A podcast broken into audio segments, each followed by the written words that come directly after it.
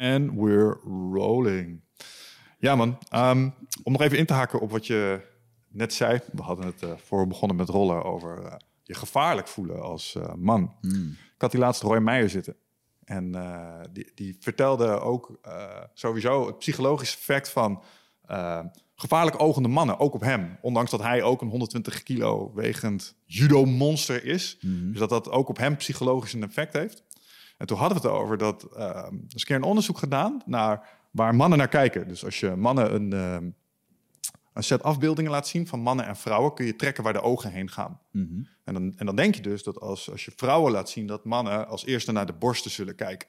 Dat is dus niet het geval. Bij vrouwen kijken ze eerst naar het gezicht. Ja. Bij mannen daarentegen kijken de mannen wel direct als eerst naar de borstpartij.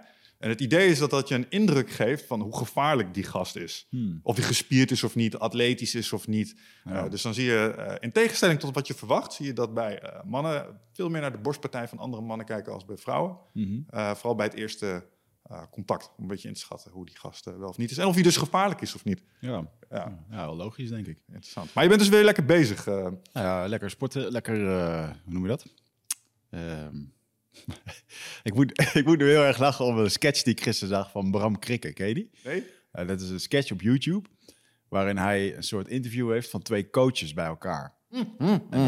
En uh, toen zat ik... Nee, dat, lachen, ja. dat zat ik gisteren te kijken. En toen had hij nog een andere, het beste interview ooit heet dat. Met, ook met die Henry van Loon. En dan zitten ze in de tuin en dan is het ook zo. En hoe gaat het dan nu eigenlijk met je? Ja, echt goed. Ik ben allemaal bezig met leuke projectjes. En, en, en het gaat echt een 20 minuten lang met dit soort bullshit door. Dus ik moest even heel erg lachen dat je dit hier zei. Nou, eh, Maar- ik, heb hem, ik heb dezelfde gezien. En kijk, eh, het voor- en een nadeel van een podcast hebben is dat je jezelf ook nog wel eens terugziet op eh, video. En ehm, ja, vooral eh, eh, dat stukje waar ze het over het Engels hebben. Ik ik ben ook zo'n gast. Oh, Ik, zo. ik, ik gebruik veel Engels. Veel te veel Engels, misschien zo af en toe. En toen ik dat zag, toen dacht ik... oké, ik ga geen woord Engels meer schreppen in de komende drie podcasts. Gewoon om te kijken of ik dat eh, kan fixen. Ik, vond, ik vond het echt heel goed gevonden. Met hoe dat hij dat zo... I'm stacking en crypto's en NFT's. I'm stacking like a motherfucker.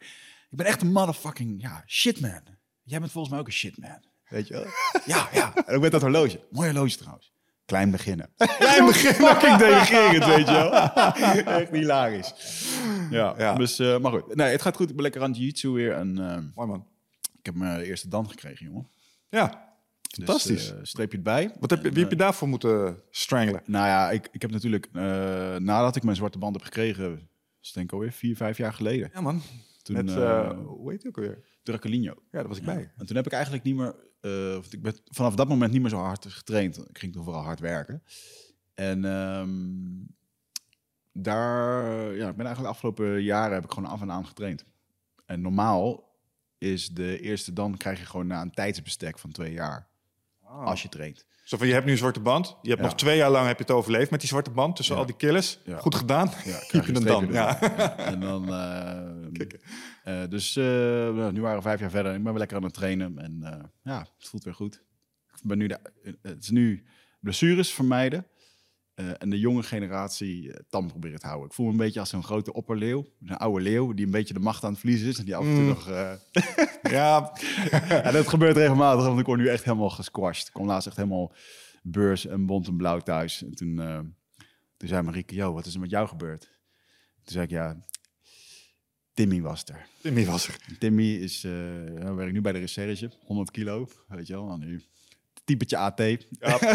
Zelfde intensiteit vermoedelijk. Die ook nog gewoon paarse band en die gewoon lekker door blijven trainen. En eh, nou, dat, eh, ja, die heb ik gevoeld. Dat was Maar dit is wel, waarom, wat weeg je trouwens inmiddels? nu 92. Ah, dan is het verschil niet super groot. Want ik ken je ook nog toen je in de 80 liep. Nee, maar ik wou zeggen, dat is waar mijn gewichtsklassen zijn uitgevonden natuurlijk.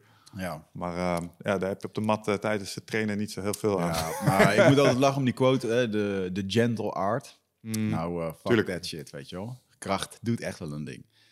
Dus, eh, maar het voelt ook wel lekker om gewoon eh, sterk te zijn. En eh, het was ook mooi om te zien, twee keer per week crossfitten. Mm.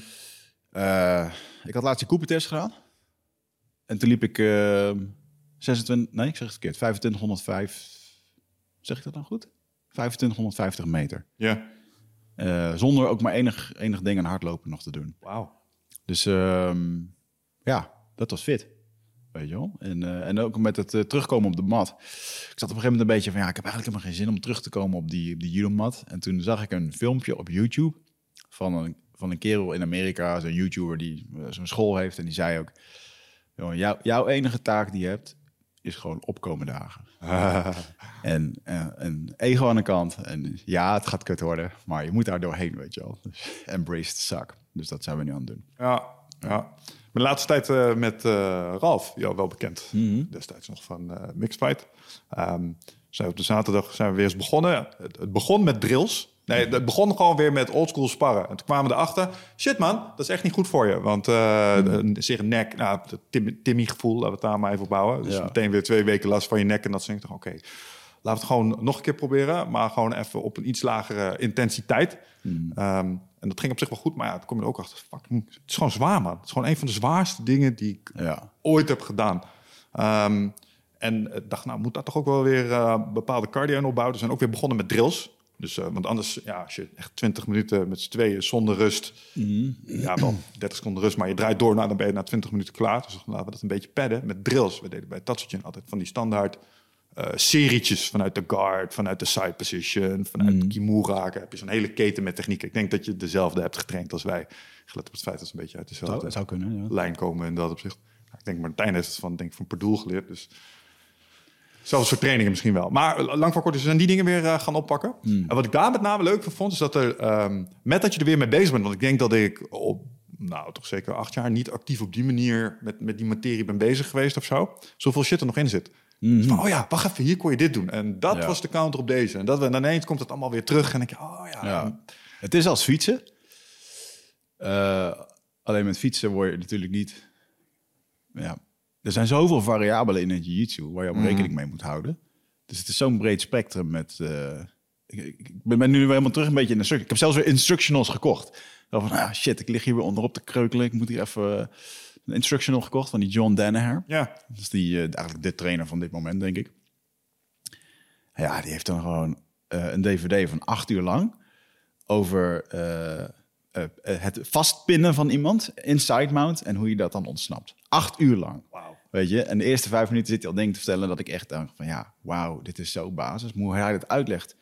En dat is wel altijd een ding wat ik altijd heb gemist. Echt de, ehm, of gemist in mijn, in mijn, in de science of fighting. Dus ook tijdens het vechten, tijdens het wedstrijden doen, eh, de wetenschap erachter begrijpen. En ik denk dat ik dat maar tot een bepaald niveau heb eh, bereikt. Of ja.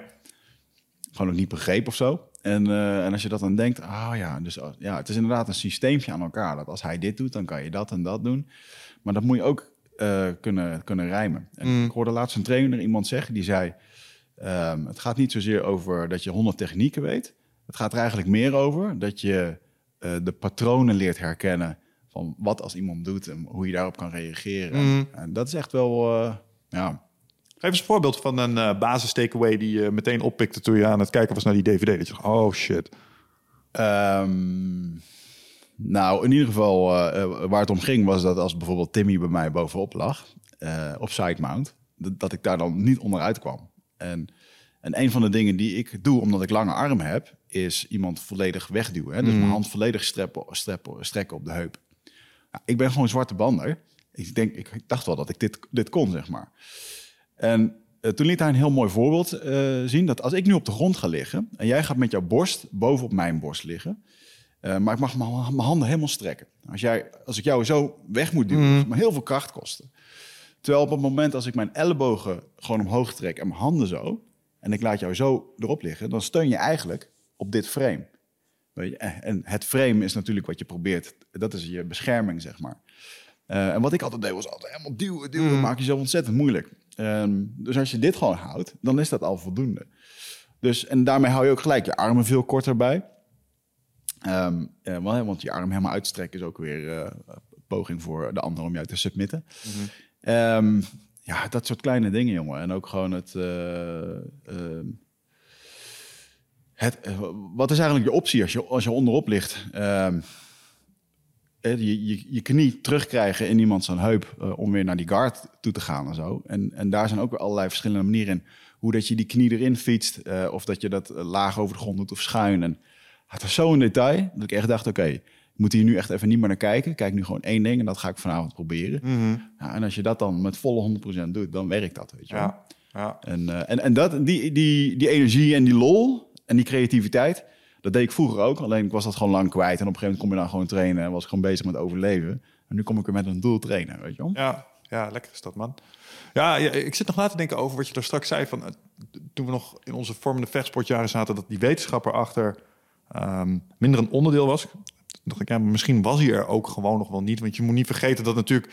het stond toen nog in de fundamenten, zeg maar. En er is nu bijna tien jaar aan ontwikkeling overheen gegaan. Dus dat is allemaal gestapelde kennis.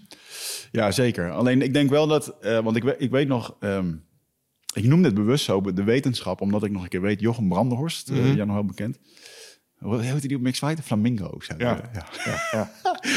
Maar eh, die, die heb ik ooit een keer. Die was ook altijd. Die, heeft, die, is, die is relatief later begonnen dan ik. maar die heeft echt super sprongen gemaakt in de, in de, in- gewoon in de technieken ervan. En Hey eindbaas dankjewel dat je zit te luisteren naar deze podcast. Ik onderbreek hem eventjes voor een hele belangrijke boodschap. Of misschien liever gezegd een uitnodiging. Want op 24, 25 en 26 mei, dan is er weer een nieuwe editie van Rite of Passage. Dat is mijn retreat voor persoonlijke ontwikkeling. En speciaal voor de mensen die op zoek zijn naar, ja, naar helderheid. Of dat ze lastig bij hun gevoel kunnen komen. Dat ze moeilijke beslissingen moeten maken. En dat ze zo ontzettend in hun hoofd zitten. Ja, dat ze er eigenlijk gewoon niet meer goed uitkomen. Of dat ze misschien al heel lang in een, ja, een soort van oud gevoel zitten. Dat ze dat gevoel willen transformeren. Of misschien wil je gewoon een oud stuk achter je laten. Ergens een punt achter zetten. En ja, zoek je misschien heling op iets wat, wat je te lang hebt weggeduwd of, of hebt vermeden. Daarvoor wil ik je uitnodigen op 24, 25 en 26 mei om in een retreat mee te doen waar de inhoud van het programma geheim is. Waar de belofte is dat het oncomfortabel wordt. Want jij begrijpt als geen ander dat als je die volgende stap wilt maken, ja, dan zul je uit de comfortzone moeten komen. En ik garandeer je, laat mij dat proces begeleiden met jou voor drie dagen. En je leven zal daarna nooit meer hetzelfde zijn. Gemiddeld beoordelen de deelnemers het met een 9,2. En daar ben ik ontzettend trots op. Er is ook een money back guarantee. Heb je de drie dagen vol, volbracht en vind je het niks, krijg je gewoon je geld terug. Dus het enige risico wat er is, is dat je gelukkiger kan worden. Ik zie je op Bride of Passage. Ga naar wichertmeerman.nl en klik op Retreat. Die zei op een gegeven moment gewoon, ja, ik begrijp nu gewoon de mechanica achter het jiu-jitsu. Mhm. En ik weet nog toen hij dat zei en, en dat ik toen bij mezelf dacht van, ja, daar zeg je me wat. Ik, eh, ik durf wel eigenlijk te zeggen dat ik dat nog niet helemaal weet. Ik doe dan toch nog heel veel op instinct of wat er dan gewoon gebeurt en dat ging dan ook goed. Maar het echt helemaal kunnen begrijpen. En ik denk dat dat ook eh, een groot onderdeel ervan is. En dat moet jij kunnen beamen. Is dus, hij ging op een gegeven moment lesgeven. Mhm. En dan, dan moet je het wel kunnen uitleggen en Ja. verklaren. En dat, eh, ja, dat, ik heb nooit echt veel jiu-jitsu les gegeven. Dus nee. Klopt. Wat, wat eh, het lesgeven in het MMA mij vooral heeft gebracht destijds, was het in stukjes moeten hakken van de techniek zelf. Dus als je iemand een armklem vanuit de guard wil uitleggen en je maakt hem gewoon, ja, eh, been op de rug, eh, andere been over zijn hoofd heen, eh, zijn arm tussen je benen doortrekken en je kruis omhoog. Maar dat is wel echt heel, dat is veel te kort door de bocht. Dus het begint al met de voet op de heup zetten. En zijn ellebogen opsluiten. En- En de grip op zijn pols. Dat zijn gewoon al drie, vier stappen in het eerste kleine stukje van die armbar vanuit je guard aanleggen. En dat aan anderen moeten uitleggen betekent dus ook dat je het zelf in stukjes moet hakken en snappen. En waarom doe je dat eigenlijk? Waarom zet ik die voet daar niet, niet, niet neer? En waarom kan ik hem niet loslaten omdat hij zijn arm wegtrekt? En Nou, et cetera, et cetera. En, en met dat je dat aan anderen uitlegt, merk je ook dat het veel makkelijker wordt om in het sparren en het rollen het op een gegeven moment zelf weer eruit te laten komen. Omdat die kleine details, ja, hoe vaker je ze voorbij laat komen, hoe makkelijker ze eruit komen onder ja, de druk van, Ja. het, eh, van het rollen. Ja, ja zeker.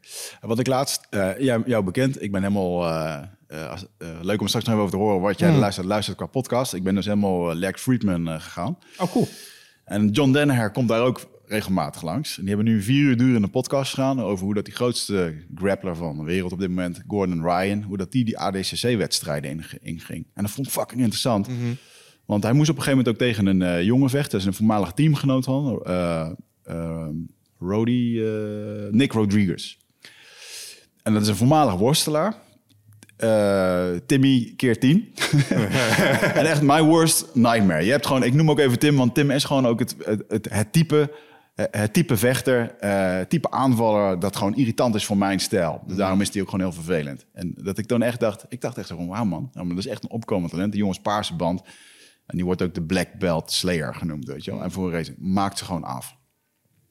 En laatst hoorde ik nog een, een zwarte bander die zei van ja, ik heb daar gewoon, ik heb gewoon 60 minuten met hem gerold.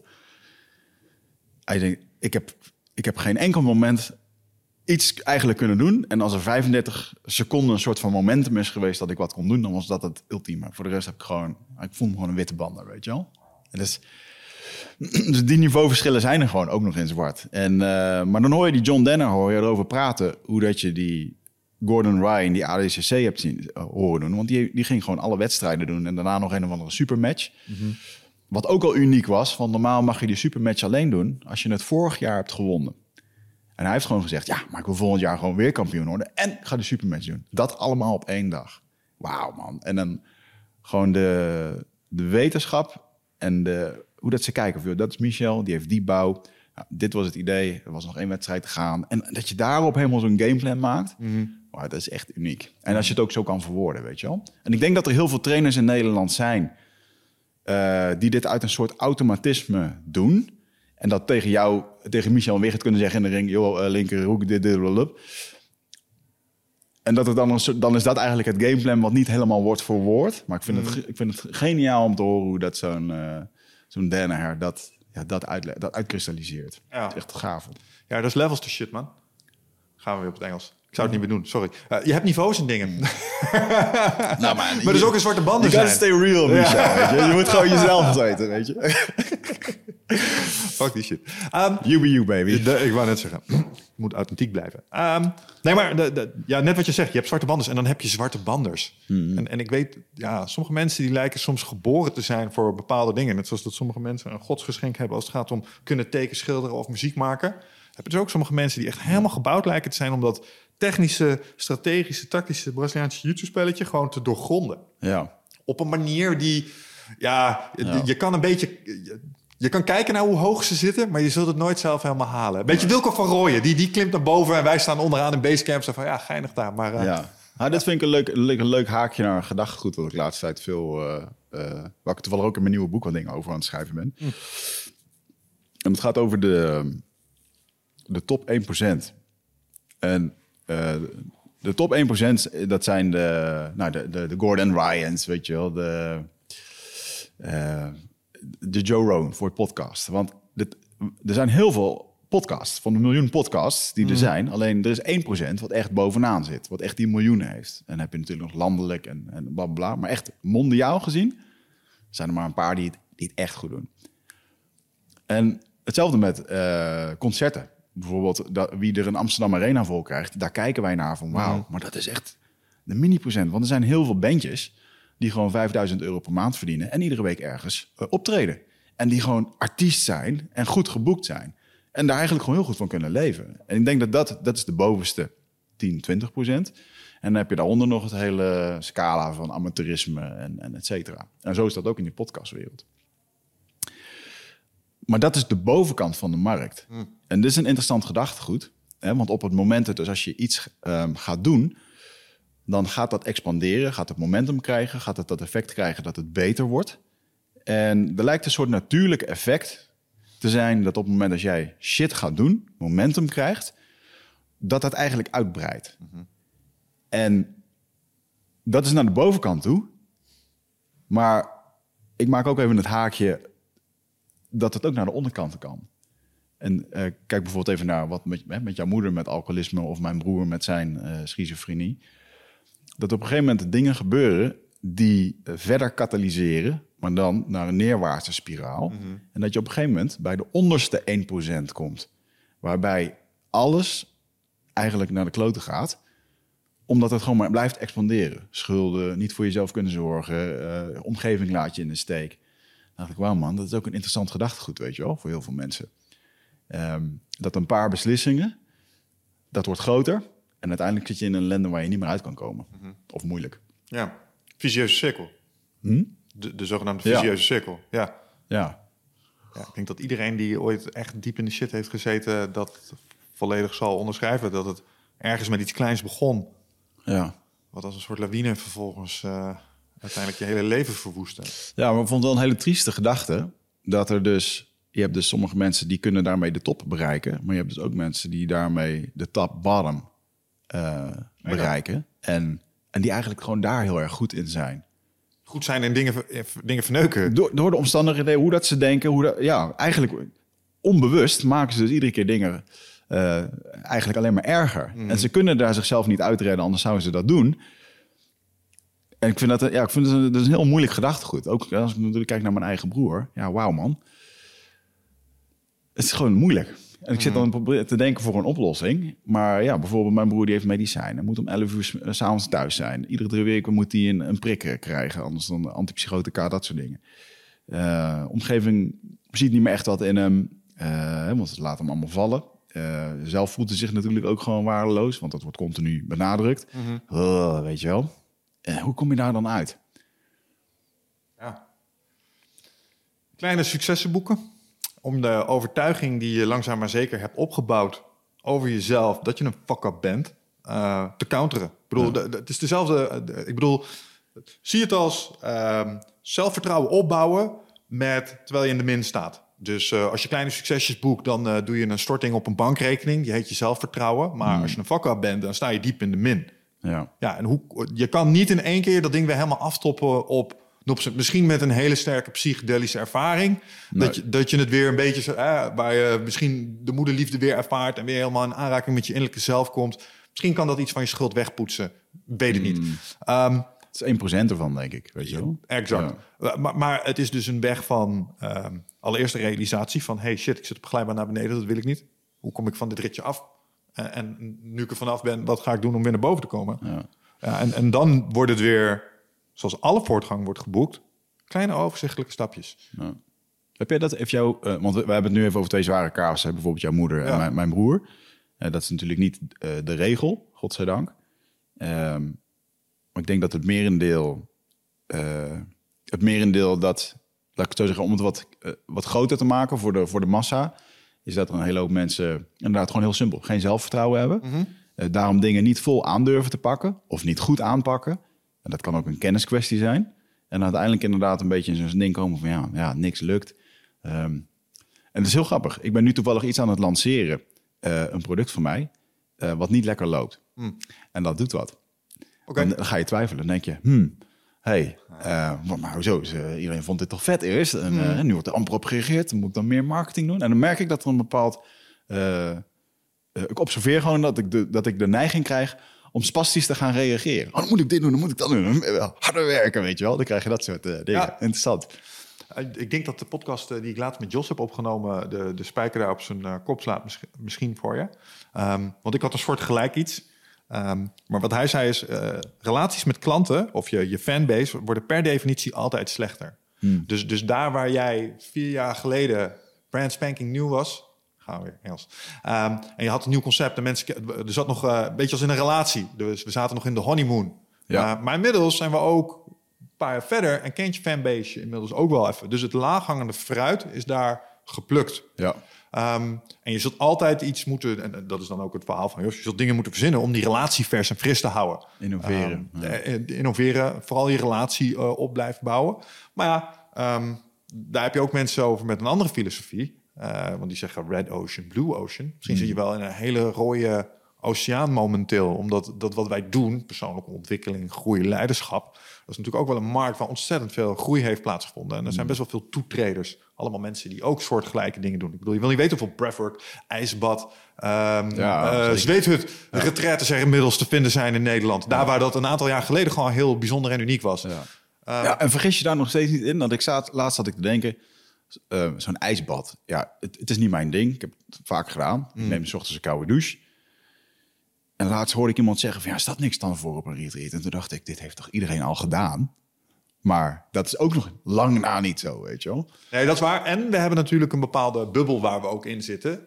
Dat moeten we ook niet vergeten. Dus we zien vooral veel mensen die met dat soort dingen ook bezig zijn. Omdat dat, Ja. de, de mighty algorithm, die voert dat ook een beetje. Ja, Dus dat, dat is misschien ook wel een ding. Maar de- Jos die had het daar ook over. Ehm, ja, gebeurt. Ja. Nou ja, we moeten gewoon innovatiever zijn met marketing. Ik bedoel, en ik weet ook wel een beetje waar het van komt. Maar ik merkte een beetje, de, eh, er komt er toch een spastisch gevoel van... Hé, maar ben ik dan niet meer goed genoeg? Of doe ik nog wel mee? Of, terwijl, eh, ja, je hebt één e-mail gestuurd, je hebt dat aangeboden. dat ging niet zoals dat je dacht. Ja. Eh, maar dat moet je gewoon even anders doen, weet je wel. Oh joh, ja. Dus, en, en, en je moet ook niet vergeten dat, even los van de... kijk, het, het is geen afwijzing van de persoon Wigert Meerman. Dus ehm, even terug naar Steven Pressfield. Eh, de, de, de art of... of eh, the war of art. Kijk, je, je moet jezelf niet persoonlijk verbinden aan de uitkomst van dingen. Dus als het je boek zou zijn en er zou niet gelukt zijn... Ja, dat kan liggen aan het feit dat je een kutboek hebt geschreven. Maar misschien was de timing ook gewoon niet goed. Of was er misschien op dat moment ook gewoon een ander boek. Met andere woorden, je- je- dat, dat, is, dat zegt niks over jou als auteur. Er is alleen het volgende boek. Ja. Eh, en dat is, hier, dat is hier ook zo. Dus ja, oké, deze is dan misschien niet wat het is. Maar misschien ook wel de volgende. Ik had het eh, afgelopen zomer met de marketing.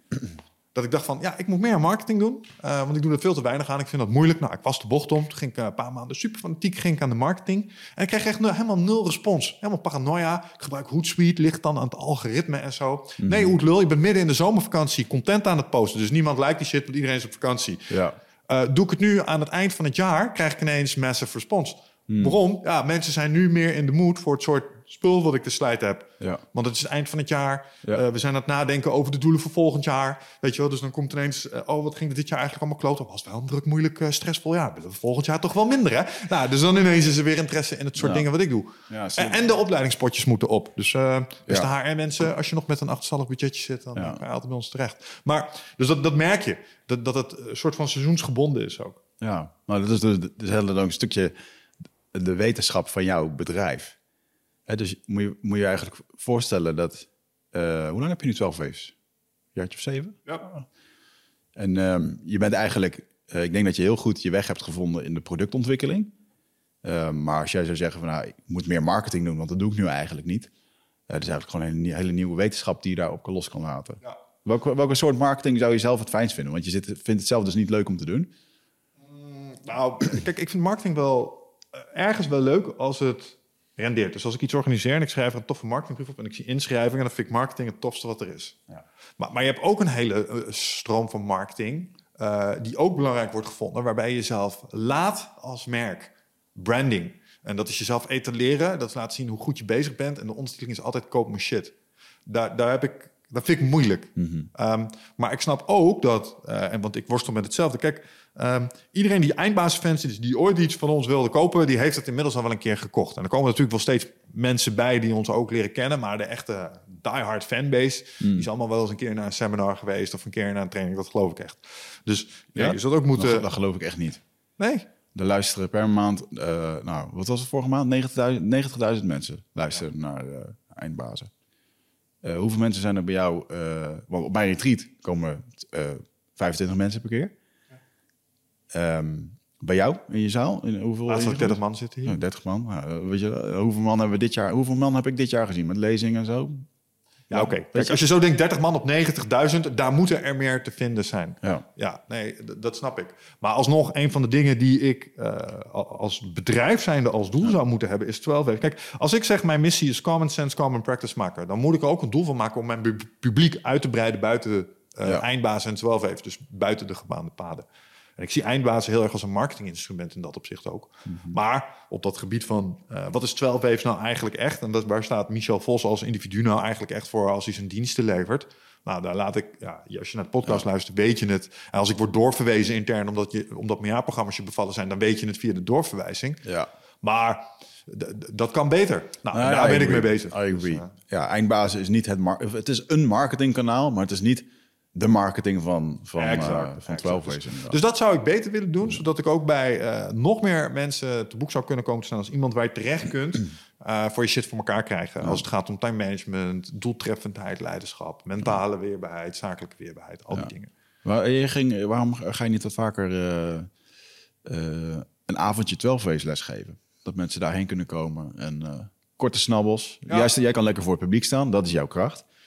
Ik ga dat doen nu. Ik moest heel erg lachen om iemand die zei van de week... eh, ik ben naar Jordan Peter geweest in een RAI. Ik zeg, oh, hoe was dat? Hij zegt, het was eigenlijk heel raar.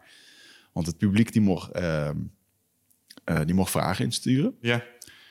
En die ging hij dan beantwoorden. En dit was een lezing over zijn boek.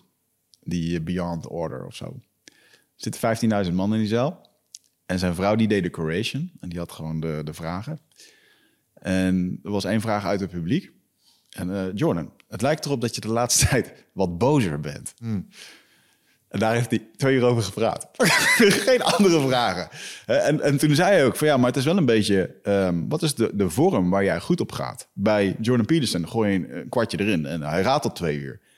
En sommigen gaan juist heel erg goed op het standaard praatje... met dat verhaal wat ze altijd heel goed hebben verteld... en nog beter kunnen vertellen. En ook comedians. Eh, kan je goed met in, eh, publiek interactie nemen... of kan je, moet je het echt helemaal gestructureerd doen? En ik denk dat je daar een beetje je, je weg in moet vinden. En volgens mij is jouw kracht om eh, in, op het podium te staan. Ja. Ja, en die slag ben ik ook een klein beetje aan het maken. Kijk, de, de reden bijvoorbeeld, waarom wil ik die branding van 12 Waves breder hebben? Omdat het doel is, kijk, we zitten hier op een fantastische plek. Ik geef het merendeel van mijn lessen wel hier, maar dat is vooral omdat het eh, programma's zijn. Dus eh, dan, dan zit je bij Pinkelkade en dan komt er weer 40 man en die komen hier naartoe, want ze, ze moeten vijf masterclasses doen en dat doen we dan hier.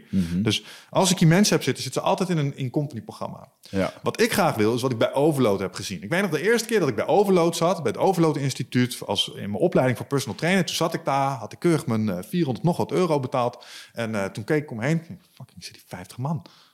Ja. En dit doen ze fucking elke dinsdag. Snap je? En, en er zitten hier allemaal mensen die echt aan hun lippen hangen. Die willen echt horen wat Bas en Koen te vertellen hebben op dit moment. Ik ook. Deze gasten zijn mijn goeroes. Ja. Ehm, en en, dat, en dat, daar hing een bepaalde sfeer. En die mensen die waren elkaar ook onderling aan het aansteken en opzoeken. En dat waren allemaal van die bevlogen lui. En toen dacht ik, oh, dit lijkt me zo lekker als je instructeur bent. Dat je zo'n groep mensen die zo graag willen. Ik bedoel, als ondernemers natuurlijk ook bewondering voor wat ze hier aan het doen zijn. Want ik kan rekenen, weet je wel. Als je dit het hele jaar door doet. Ja, ik snap die, ik snap die Range Rover wel die hier achter het gebouw staat. Ehm, dus toen dacht ik, ja, dat is wat ik wil, man. Maar dat heb ik nu niet. Want ik heb een hele mooie locatie. Maar als ik nu mijn deuren opengooi, ik zeg, hé, hey, we zijn open. Dan, dan komen er geen losse inschrijvingen. En dat, en dat Nee. is wat ik wil, wat ik wil bereiken. Ehm, en daarvoor zal ik die marketing ja, gewoon beter vorm moeten geven. Maar dat lukt, dus, dat lukt niet, omdat je nu marketing doet op bedrijven als Pink Rokade. En, en ja, en die transitie zie ik nu dus middenin. Ja. En daar heb ik over nadenken van, leuk dat je het zegt, maar hoe regel je het dan? Ja, nou, daar heb ik een roadmapje voor gemaakt. En, en Ja. dat probeer ik nu, ja, zoals Ja. we alles doen. Dus je gaat eigenlijk hetzelfde aanbieden, maar aan een andere doelgroep. Ja, dus ik gooi de deuren open. Dus ik zeg van, hey, wil je graag naar een losse training? Dat kan. Wil je de hele serie doen? Is een korting. Net zoals, even terug weer naar Overload. Overload had top C. Ehm, dat was het hoogste niveau wat je kon halen. Kon je alle losse masterclasses volgen? eh, Betaalde je iets meer per losse masterclass? Kon je top C worden? Ik kon ook zeggen, ik wil top C. Dus ik neem ineens het hele pakket af. Kreeg iets van 3000 euro korting of zo. En dan had je alles in één keer geboekt. Op zo'n manier lijkt mij te gek om ook eh 12 Waves open te gooien voor de markt. Zodat iedereen, eh, bijvoorbeeld met een persoonlijk ontwikkelbudget of met een stapbudget of wat dan ook, gewoon losse trainingen kan volgen. Maar ook het hele pakket afhankelijk van wat je nodig hebt. Omdat die standaard practitioner die ik had, zes masterclasses, Ehm, die is voor eh, een aantal mensen echt een, een godsgeschenk. Want te gek, nu is het hele geïntegreerde systeem vanuit het boek gewoon in één keer uitgelegd. En dan haal je de belangrijkste dingen uit. Dat is helemaal super. Maar sommige mensen die komen eigenlijk alleen voor het stukje goal setting. Of eh, voor het stukje eh, mindset. En dan kun je gewoon los in die training stappen. Nou, dat moet ik fixen voor mezelf door de wereld te laten weten dat het kan. Dus alles staat klaar. Weet je, dat is het type zo'n ding waar jij het over had. Heb je zomers veel tijd ingestoken, al die trainingen op een website losgemaakt, goede copy, weet je wel. Stuurt er een nieuwsbriefje uit. Niemand. Hetzelfde hier met die glamping. Ik denk, workations, dat Ja. is het nieuwe 12 waves ding. Ik ga je mensen in het groen wegzetten, lekker in je kantoortje werken. Ondertussen een soort lopende programmering met leiderschap. In de markt gezet. Oké, here we go. Dure boekingsmodule gekocht. Nul boekingen tot op de dag van vandaag. Ik heb hier wel mensen te slapen gehad. Al mijn company trekt. Interessant, interessant. Dus, maar, dus dan, oké, en dit vind, ik, dit vind ik interessant, hè? Want ehm, dan heb je iets gelanceerd waarvan jij helemaal denkt dat het is. Oké, de markt bepaalt uiteindelijk of dat, of dat men dat wilt. Yes. Ehm, alleen, nu is het een beetje bijvoorbeeld de vraag. Stel nou dat je het anders zou verkopen, maar je, je doet nog wel steeds dat. Dus nou, op het moment, eh, je schijnbaar het aanbod eh, spreekt niet aan, daarom kopen ze het niet. Maar stel nu dat je dat eh, aanbod zou veranderen, ehm, maar dat je nog steeds eh, krijgt wat je wil. Dat je Ja. mensen hier krijgt. Ja, en- ja, exact. En, en dat, is, dat is de puzzel die ik marketing noem. Ja. Zo van, eh, ehm, wat, wat ik nu aan het doen was, is even voorbeeld met relaties ook wel eens gebruikt. Maar ken je nog dat speeltje dat je vroeger had? Dat je van die driehoekjes door driehoekjes moest rammen en zo. En zo'n rondje door een rondje. Mhm. Ik had dat, ik, wat ik volgens mij aan het doen was een rondje door een vierkantje heen proberen te krijgen. Dat lukt niet. Ehm, dus het is even zoeken. Kijk, dit is wat we hebben. Dit is hoe ik het in de markt moet zetten. Zodat mensen die, die het zoeken, het vinden. Want er zijn mensen die willen dit. Er zijn mensen die willen hier fantastisch, prachtig in het groen aan zichzelf werken met de thema's die we, eh, die we hier aanbieden. Alleen, ze weten of niet dat het er is, of ik heb het ongelukkig uitgelegd. Ja, Nou, en, en dat is dus de puzzel die ik nu heel erg aan het eh, oplossen ben. ja. En, en wat ik daar moeilijk in vind in de marketing is, en dat vind ik jou veel beter doen, is eh, mezelf als een, daar een soort boegbeeld in positioneren. Met de dingen die ik doe, met de dingen die ik bereik. eh wapenfeiten waarvan je kunt zeggen, ja, het is leuk dat, dat ik het heb over met het systeem werken, maar ondertussen hebben we ook wat dingen gepresteerd waarop we dat zouden kunnen ophangen. Zo van, misschien Ja. zou je eens... Nou, dat, dat vind ik lastig. Ja. Maar ook, ook dit, waar we nu zitten. Ik bedoel, ja, voor mensen kunnen het natuurlijk niet zien, maar we zitten gewoon op een prachtig natuurgebied. Ehm, ik, denk dat het een paar keer besproken is in een podcast, maar nog, nog niet echt. Nee. Eh, het Jugendforest in Dronten, waar jij dan samen met net hier, ja, je bent dit een jaar aan het neerzetten. Ja, het is echt fucking droomlokaal. Beter dan dit gaat het niet worden, weet Nee, je wel? nee. En jouw, waar je het al over had, jouw eh 12 Ways Jedi Academy, daar hoor ik je al acht, acht jaar over lullen Yes, man. vanaf het eerste programma wat jij toen zelf hebt betaald, vind ik ook een leuke anekdote dat jij toen een jaarprogramma hebt gelanceerd, wat je helemaal eh, zelf voorschoot met acht geselecteerde mensen, iedere maand bij elkaar komen. Ja, Weet je, dat ja, that's proof of the pudding. man. Er was een droom en eh, ja, daar zitten we al bijna acht jaar achteraan. En je, er waren momenten ik dacht, het gaat, echt niet, het gaat hem gewoon niet worden of het is onmogelijk. En dan op een gegeven moment toch, omdat je al een boel werk hebt verzet, komen er ineens kansen. En daar is hij dan ineens, terwijl je het helemaal niet had verwacht. De, de kerst op de taart voor mij was toen ik eindelijk... ehm, want dat was die Jedi Academy voor mij. Dan, dan, dan leer ik mensen iets over enerzijds je shit voor elkaar krijgen... zoals we dat gewoon eh, leren in eh, Get Your Shit Together. Dus gewoon een bepaalde daadkracht. Je neemt jezelf iets voor, je fixt die shit. Eh, en het liefst uitgelijnd met een, met een nobel doel. Ja. Ehm, het tweede ding is, je bent fysiek weerbaar. Want dat zijn Jedi's ook. Ze zijn fysiek weerbaar. Dus als het nodig is, dan kan je ook voor jezelf opkomen. Mentaal en fysiek vind ik erg belangrijk. Ehm, maar, maar het laatste ding eh, wat ze ook hebben is een soort spiritualiteit. Dus het, is niet, eh, het gaat niet om geld, dat zijn valse goden. Nee, het gaat om goed, goed zijn. Dus, dus dat wat een nobele ridder zou doen. Dat is wat ze doen. En de- daar heb je een stukje spirituele ontwikkeling voor nodig. En hier van de zomer was dus voor het eerst dat ik al die drie componenten in één retreat, was wel een in-company retreat dan weliswaar, maar samen kreeg. Dus dan had ik ze hier enerzijds, was ik hier gewoon mijn, mijn 12 Waves gospel, was ik ze op de rit aan het zetten. Ehm, ze kregen in eerste instantie een beasting, eh, s ochtends vroeg. was een groep, want ik geef altijd een preek aan het begin van mijn programma. Beasting à la Commander Ja, ja, eh, ja, ja, want het, nou, ding was, het was een MT en eh, die zat eigenlijk onder een andere instructeur. En aan het begin van elk programma krijg je een preek. Dus van, hey, dit is net zoals met vechtsport, dit is selectie. Als één de kop laat hangen, laat iedereen de kop hangen. Dus ik wil dat iedereen zijn effort pleegt. Je krijgt allemaal munt nu aan het begin. Ehm, laat je kop hangen, dat is het ergste wat je kan gebeuren, dat ik je munt terugvraag. Want dan vind ik je gewoon niet geschikt voor het programma. Ik werk alleen nog maar met intrinsiek gemotiveerde mensen. Dat is een van mijn kernwaarden geworden. En dat regel ik nu ook keihard in die programma's. Door bijvoorbeeld aan het begin van elk jaarprogramma. Eh zit gewoon een kickboxles. Vier uur lang heb ik op de mat. Weet ik hoe je in elkaar zit. Oh, interessant. Ja, en als je niet op de manier in elkaar zit zoals ik denk dat je succes gaat hebben in dat programma, moeten we het daarover hebben met elkaar. Dat is gewoon misschien niet jouw En programma. daar, daar zijn mensen op, op afgewezen. Zeker, ja hoor. Ja, nee, dan ga ik gewoon met je in gesprek en denk ja. En en ik zie dat bijvoorbeeld, dat is wel leuk, ehm, met die, eh, dat heb ik van de Korps Commando troepen geleerd. Ik test ze gewoon in het begin af. Doe je pull-ups, doe je push-ups, doe je sit-ups. We gaan 12 minuten rennen. En in het rennen zie ik al hoe ze in elkaar zitten. Want sommige mensen kunnen, geloof het of niet, geen 12 minuten achter elkaar hardlopen. Ja. Oké. Eh, en dat is niet erg. Maar hier is het ding. Als jij tijdens die 12 minuten rennen het niet meer redt... en je moet gewoon gaan wandelen, vind ik niet erg. Maar ik wil je weer opnieuw zien gaan rennen. Eh, en je hebt ze er ook tussen zitten. En die hebben geen blessures, die hebben geen fysieke beperking. Ze zijn gewoon moe. Ja. Als je dan gewoon de rest van de tijd uitloopt... dan heb dat is een aanleiding voor mij om met jou in gesprek te gaan. Zo ben je niet opnieuw gaan rennen dan. Ja. Ik zie je niet zweten. Nou, dus op zo'n manier kan, kan je dat dan in die jaarprogramma's beter borgen. Ja, maar even terug naar dat, naar dat retreat hier. Hier kwam het dus samen. Dus allereerst kregen ze een beasting. Want ja, ze hebben die preek ook gehad. Maar ze, ja, we hebben wel een beetje een schop achter de kont nodig. Want eh, oké, je hebt een schop om de kont nodig. Vind ik interessant. Je bent, een, je bent een volwassene, een professional. Je hebt 4200 euro per persoon uitgegeven voor dit jaarprogramma. En dan heb je alsnog een schop om de kont nodig. Nou, daar was ik mild geïrriteerd over. Ja. Ja, en dus toen zijn ze hier geweest. En toen kwam het dus mooi allemaal samen. Dus het stukje vechtsport, het stukje 12 even, het stukje leiderschap. Eh, Allereerst een beasting. Ik wou mijn munt terug. Ik zeg, je laat maar zien dat je die munt echt wil hebben. Ja, en ik heb natuurlijk de KCT heb ik van de zijlijn kunnen zien. Ik heb hier eh, Ronnie en Dennis natuurlijk elk jaar voor de Marine Experience. Dus ik heb hem er ook wel wat dingetjes eh, in mijn portfolio toegevoegd. Ja. Om mensen een paar uurtjes flink zwaar te maken. Dus eh, dat was echt super cool. Lachen, man. Maar ze hebben het allemaal doorstaan, want ze wilden echt graag. Waarom, ze- waarom, die munt, waarom geef je de munt al bij direct? Zo van, waarom is dat niet de, de reward uiteindelijk? Nee, omdat ik, ik geef iets wat ik kan. Het is, een, eh, het is een afspraak tussen jou en mij en ik kan hem je afpakken. Ah, En ondertussen staan er, de, je kent de munt, de vier overeenkomsten staan erop. Eh, het basispatroon van de goalsetting, consistentie, reflectie. Ja. Maar dat, en iedereen bleef aan boord, dat vond ik het mooiste. Eh, En, je zag meteen natuurlijk dat wat we altijd zien eh, op het moment dat je groep eh, bepaalde fysieke doelen laat halen. Ze, ze werden ook meteen een stuk hechter als groep, waar daarvoor best wel individuen waren. Maar toen, en toen vervolgens hebben ze hier, eigenlijk zijn ze gewoon in een dag weer opgeleid in het, in het basissysteem. Dus de 12 wave core principes. Je minddump, je masterlist, je roadmap, je projectpagina's, je actielijst, wingman en een gealloceerde tijd. Dus weer helemaal uitgeleid, zodat ze op scherp stonden. En toen s'avonds, toen kwam er iemand die jij kent.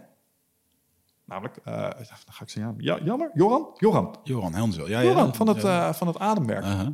En die heeft echt een fantastische breathwork ceremonie met zich gedaan. Want wat ik eigenlijk wilde was een klein beetje laten snuffelen aan dat stukje spiritualiteit. In aanraking komen met dat grotere iets wat jij en ik in onze Ja. psychedelische avonturen hebben ervaren. En wat zo'n sterke impact kan hebben op je, ja, op jouw ervaring van alles. Mhm. Snap je? Dus ehm, dat hebben we er vervolgens aan eh, toe weten te voegen. En toen kon ik eh, in de tweede keer dat ze kwamen, want het was het twee keer een tweedaagse.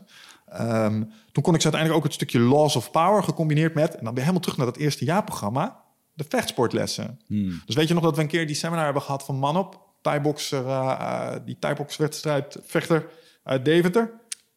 Ja, die oudere, er die oudere man, hè? Manop is like 1,50 groot, is een oude Thaise Tha- Thai-box wedstrijdvechter, geeft les, maar is vooral gewend om vanuit zijn wedstrijdervaring met ellebogen, knieën, eh, dat Ik heb er geen les van gehad, maar ik weet dat wij daar zijn geweest omdat we toen zijn zaal mochten gebruiken. Ja, met exact. Die, met die, met die, Ja, daar waren. Ja, ja, dat. Goed, dus, dus Cool. daar componenten van in het eh, programma geïntegreerd om be- bepaalde dingen die ik ze uitleg in Laws of Power en in bijvoorbeeld de workflow eh, masterclasses duidelijker te laten landen. Een van de seminars die ik ben gaan geven in het afgelopen jaar zijn de Make It Happen seminars. Het is eigenlijk gewoon een kickbox seminar meets met een heel klein beetje MMA. Niet te veel, want ik vind MMA net iets te intiem voor een absolute beginner. Maar een enkel klemmetje kan ik je wel laten maken staan. Snap je? Dus, maar wat ik daar kan laten zien zijn de basisprincipes die jij en ik heel vanzelfsprekend vinden.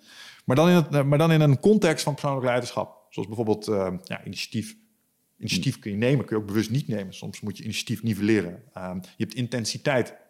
Ja, je kan niet zo, de meeste mensen kunnen niet zoals Timmy non-stop een uur vol gas erop. Dan moet je doseren. Ja. En je, hebt, eh, je, hebt, je hebt druk genereren door snelheid, maar je hebt ook druk door kracht. En dat zijn constant, dan moet je variëren. Dan moet je afwisseling in vinden.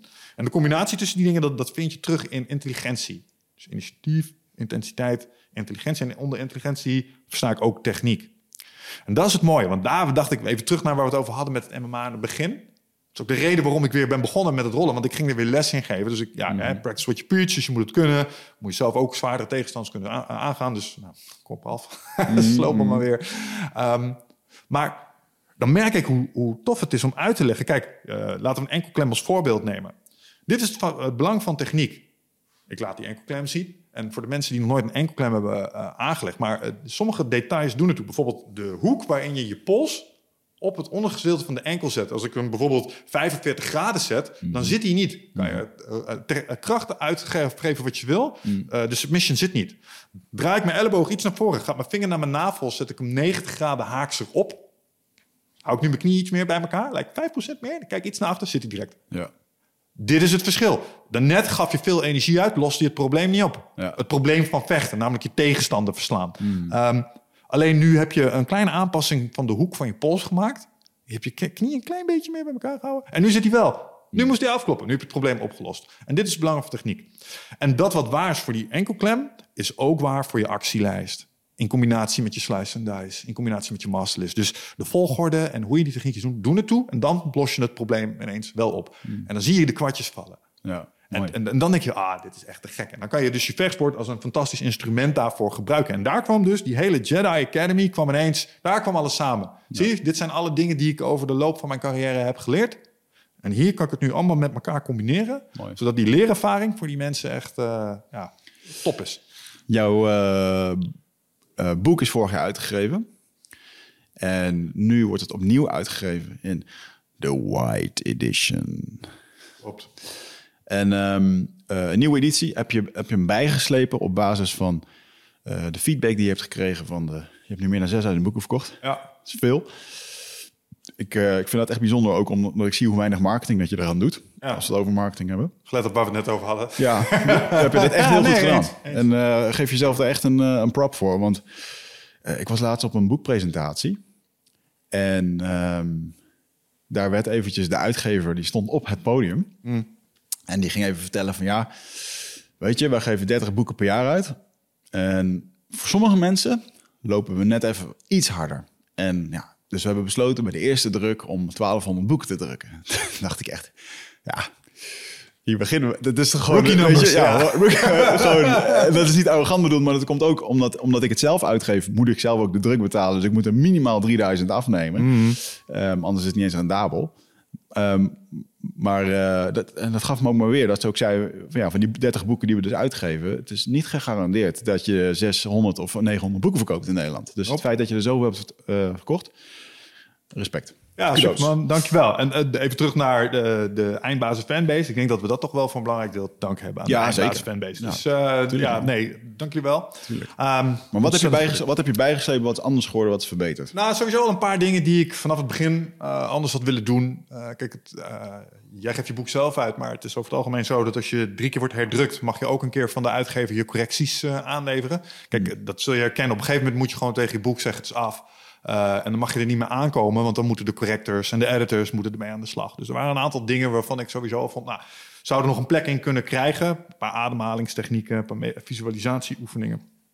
Ehm, er zaten nog best wel veel, dat was ook interessant. eh, want er was al drie keer door echt mensen die dit als werk hebben naar gekeken. Taalfouten, spelfouten, eh, punctuatie, allemaal er nog uitgehaald. Echt nog best wel veel.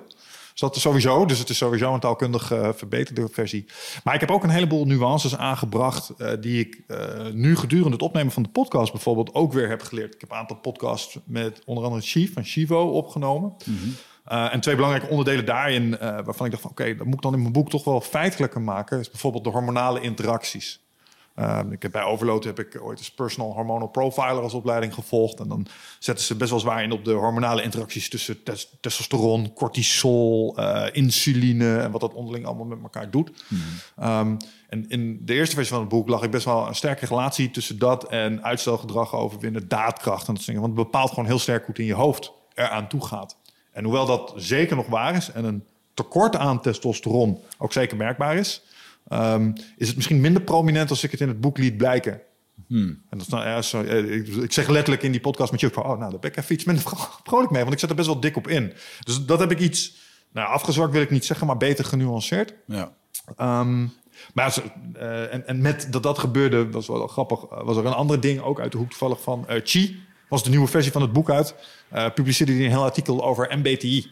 Dus Briggs en Myers uh, persoonlijkheidstypes. Ja. Uh, DISC is ook zo'n categorie uh, persoonlijkheidstest. Ja, die dingen die schijnen dus wetenschappelijk gezien echt volledig niet onderbouwd te zijn. Hmm. Die hoor je helemaal niks hoor, van trouwens. Nee. nee. er rijdt hier even een trekker langs. Er wordt, Dan iemand, krijg je er wordt iemand begraven buiten. in de Achterhoek of op het landelijke.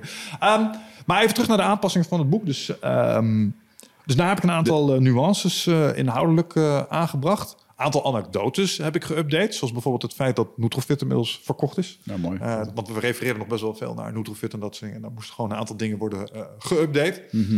um, maar ook een aantal ademhaling- en visualisatieoefeningen... die dus niet in de eerste editie zijn opgenomen. Uh, die ik heel graag in wilde opnemen. Met name omdat ik ze de laatste tijd ook weer heel veel zelf gebruik. Ik mediteer de laatste tijd heel veel. Mm. En ik doe dat in een bepaald format. En dat heet de Fourfold Breath.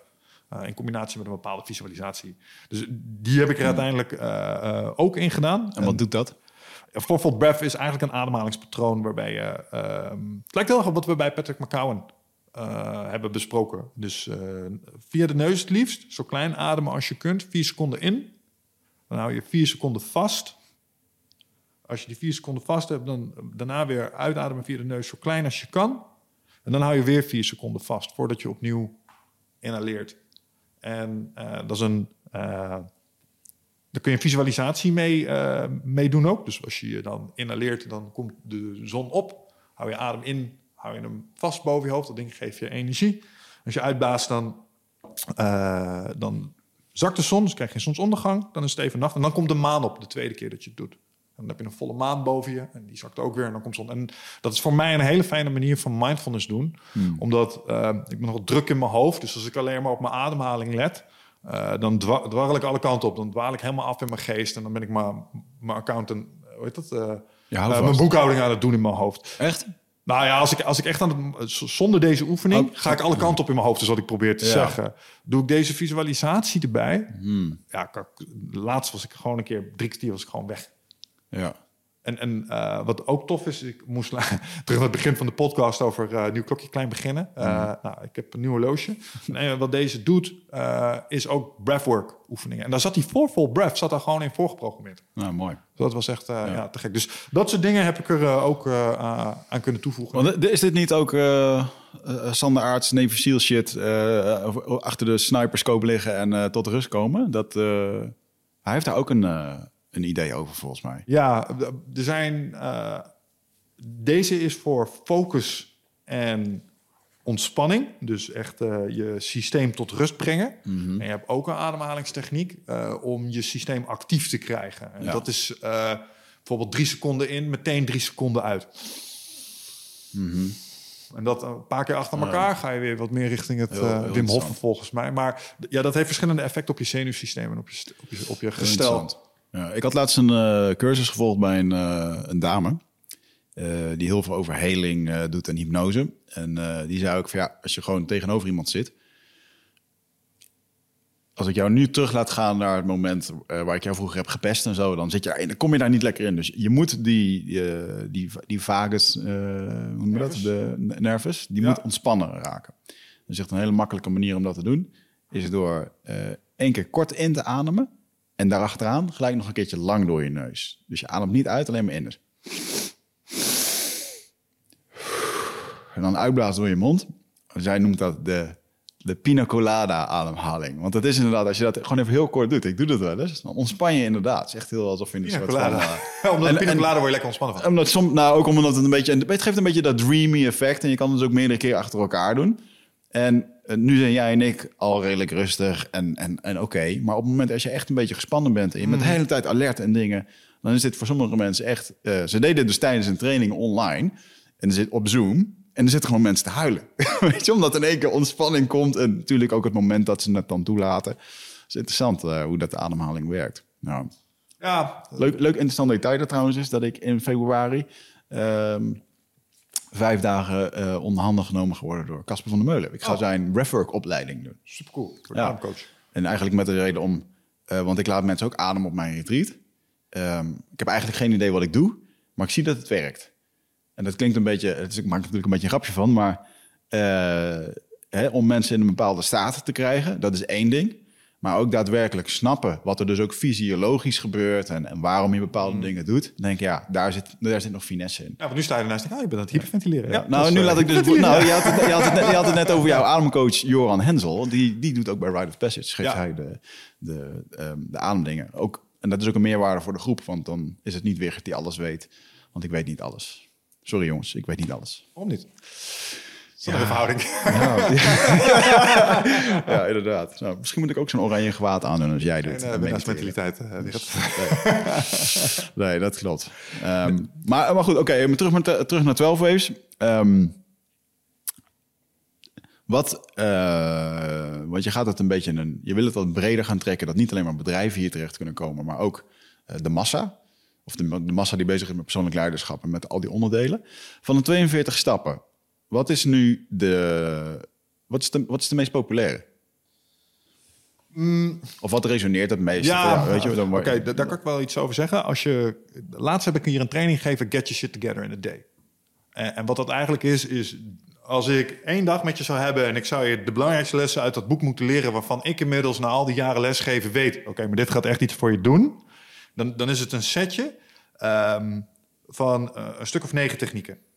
En eh, dit zijn ze, het is eigenlijk allemaal heel voor de hand liggend. Maar het- eerste is, je leert mensen overzicht kweken door zichzelf te deloaden. Het, het minddumpen. Klinkt heel eh, logisch natuurlijk, maar haal dingen uit je hoofd. Ik denk dat dat een van de kernlessen is die we nog steeds eh, mensen proberen bij te brengen. Is, Je bent een aap met een smartphone en je kan het niet uit je hoofd, want je maakt irrationele besluiten. Daar kan je niks aan doen, maar dat komt gewoon door overleving, want moeder natuur.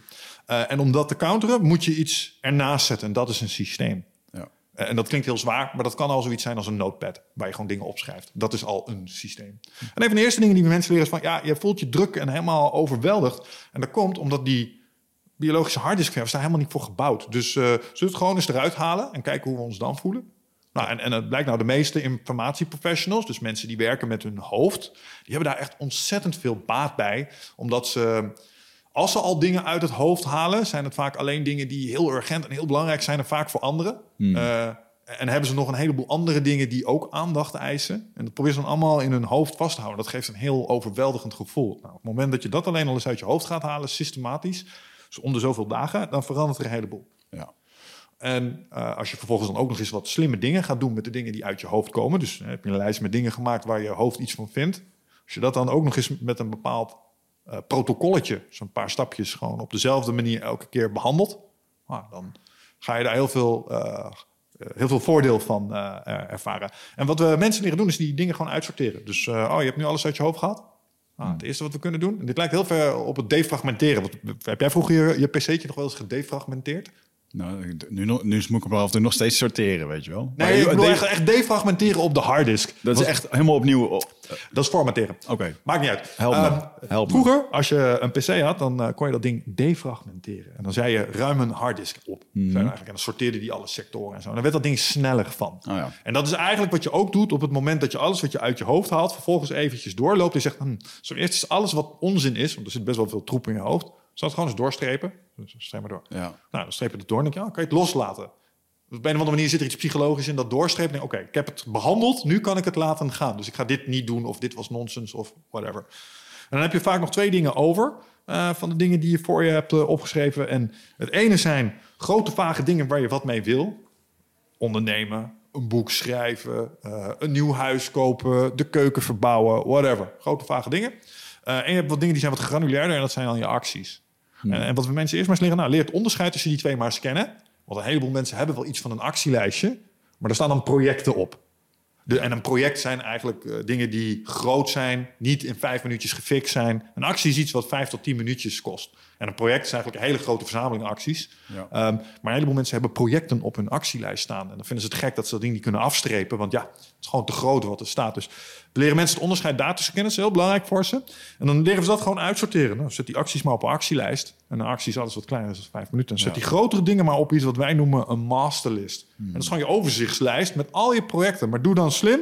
Zet er niet alleen je professionele dingen op, maar zet ook je persoonlijke dingen erop.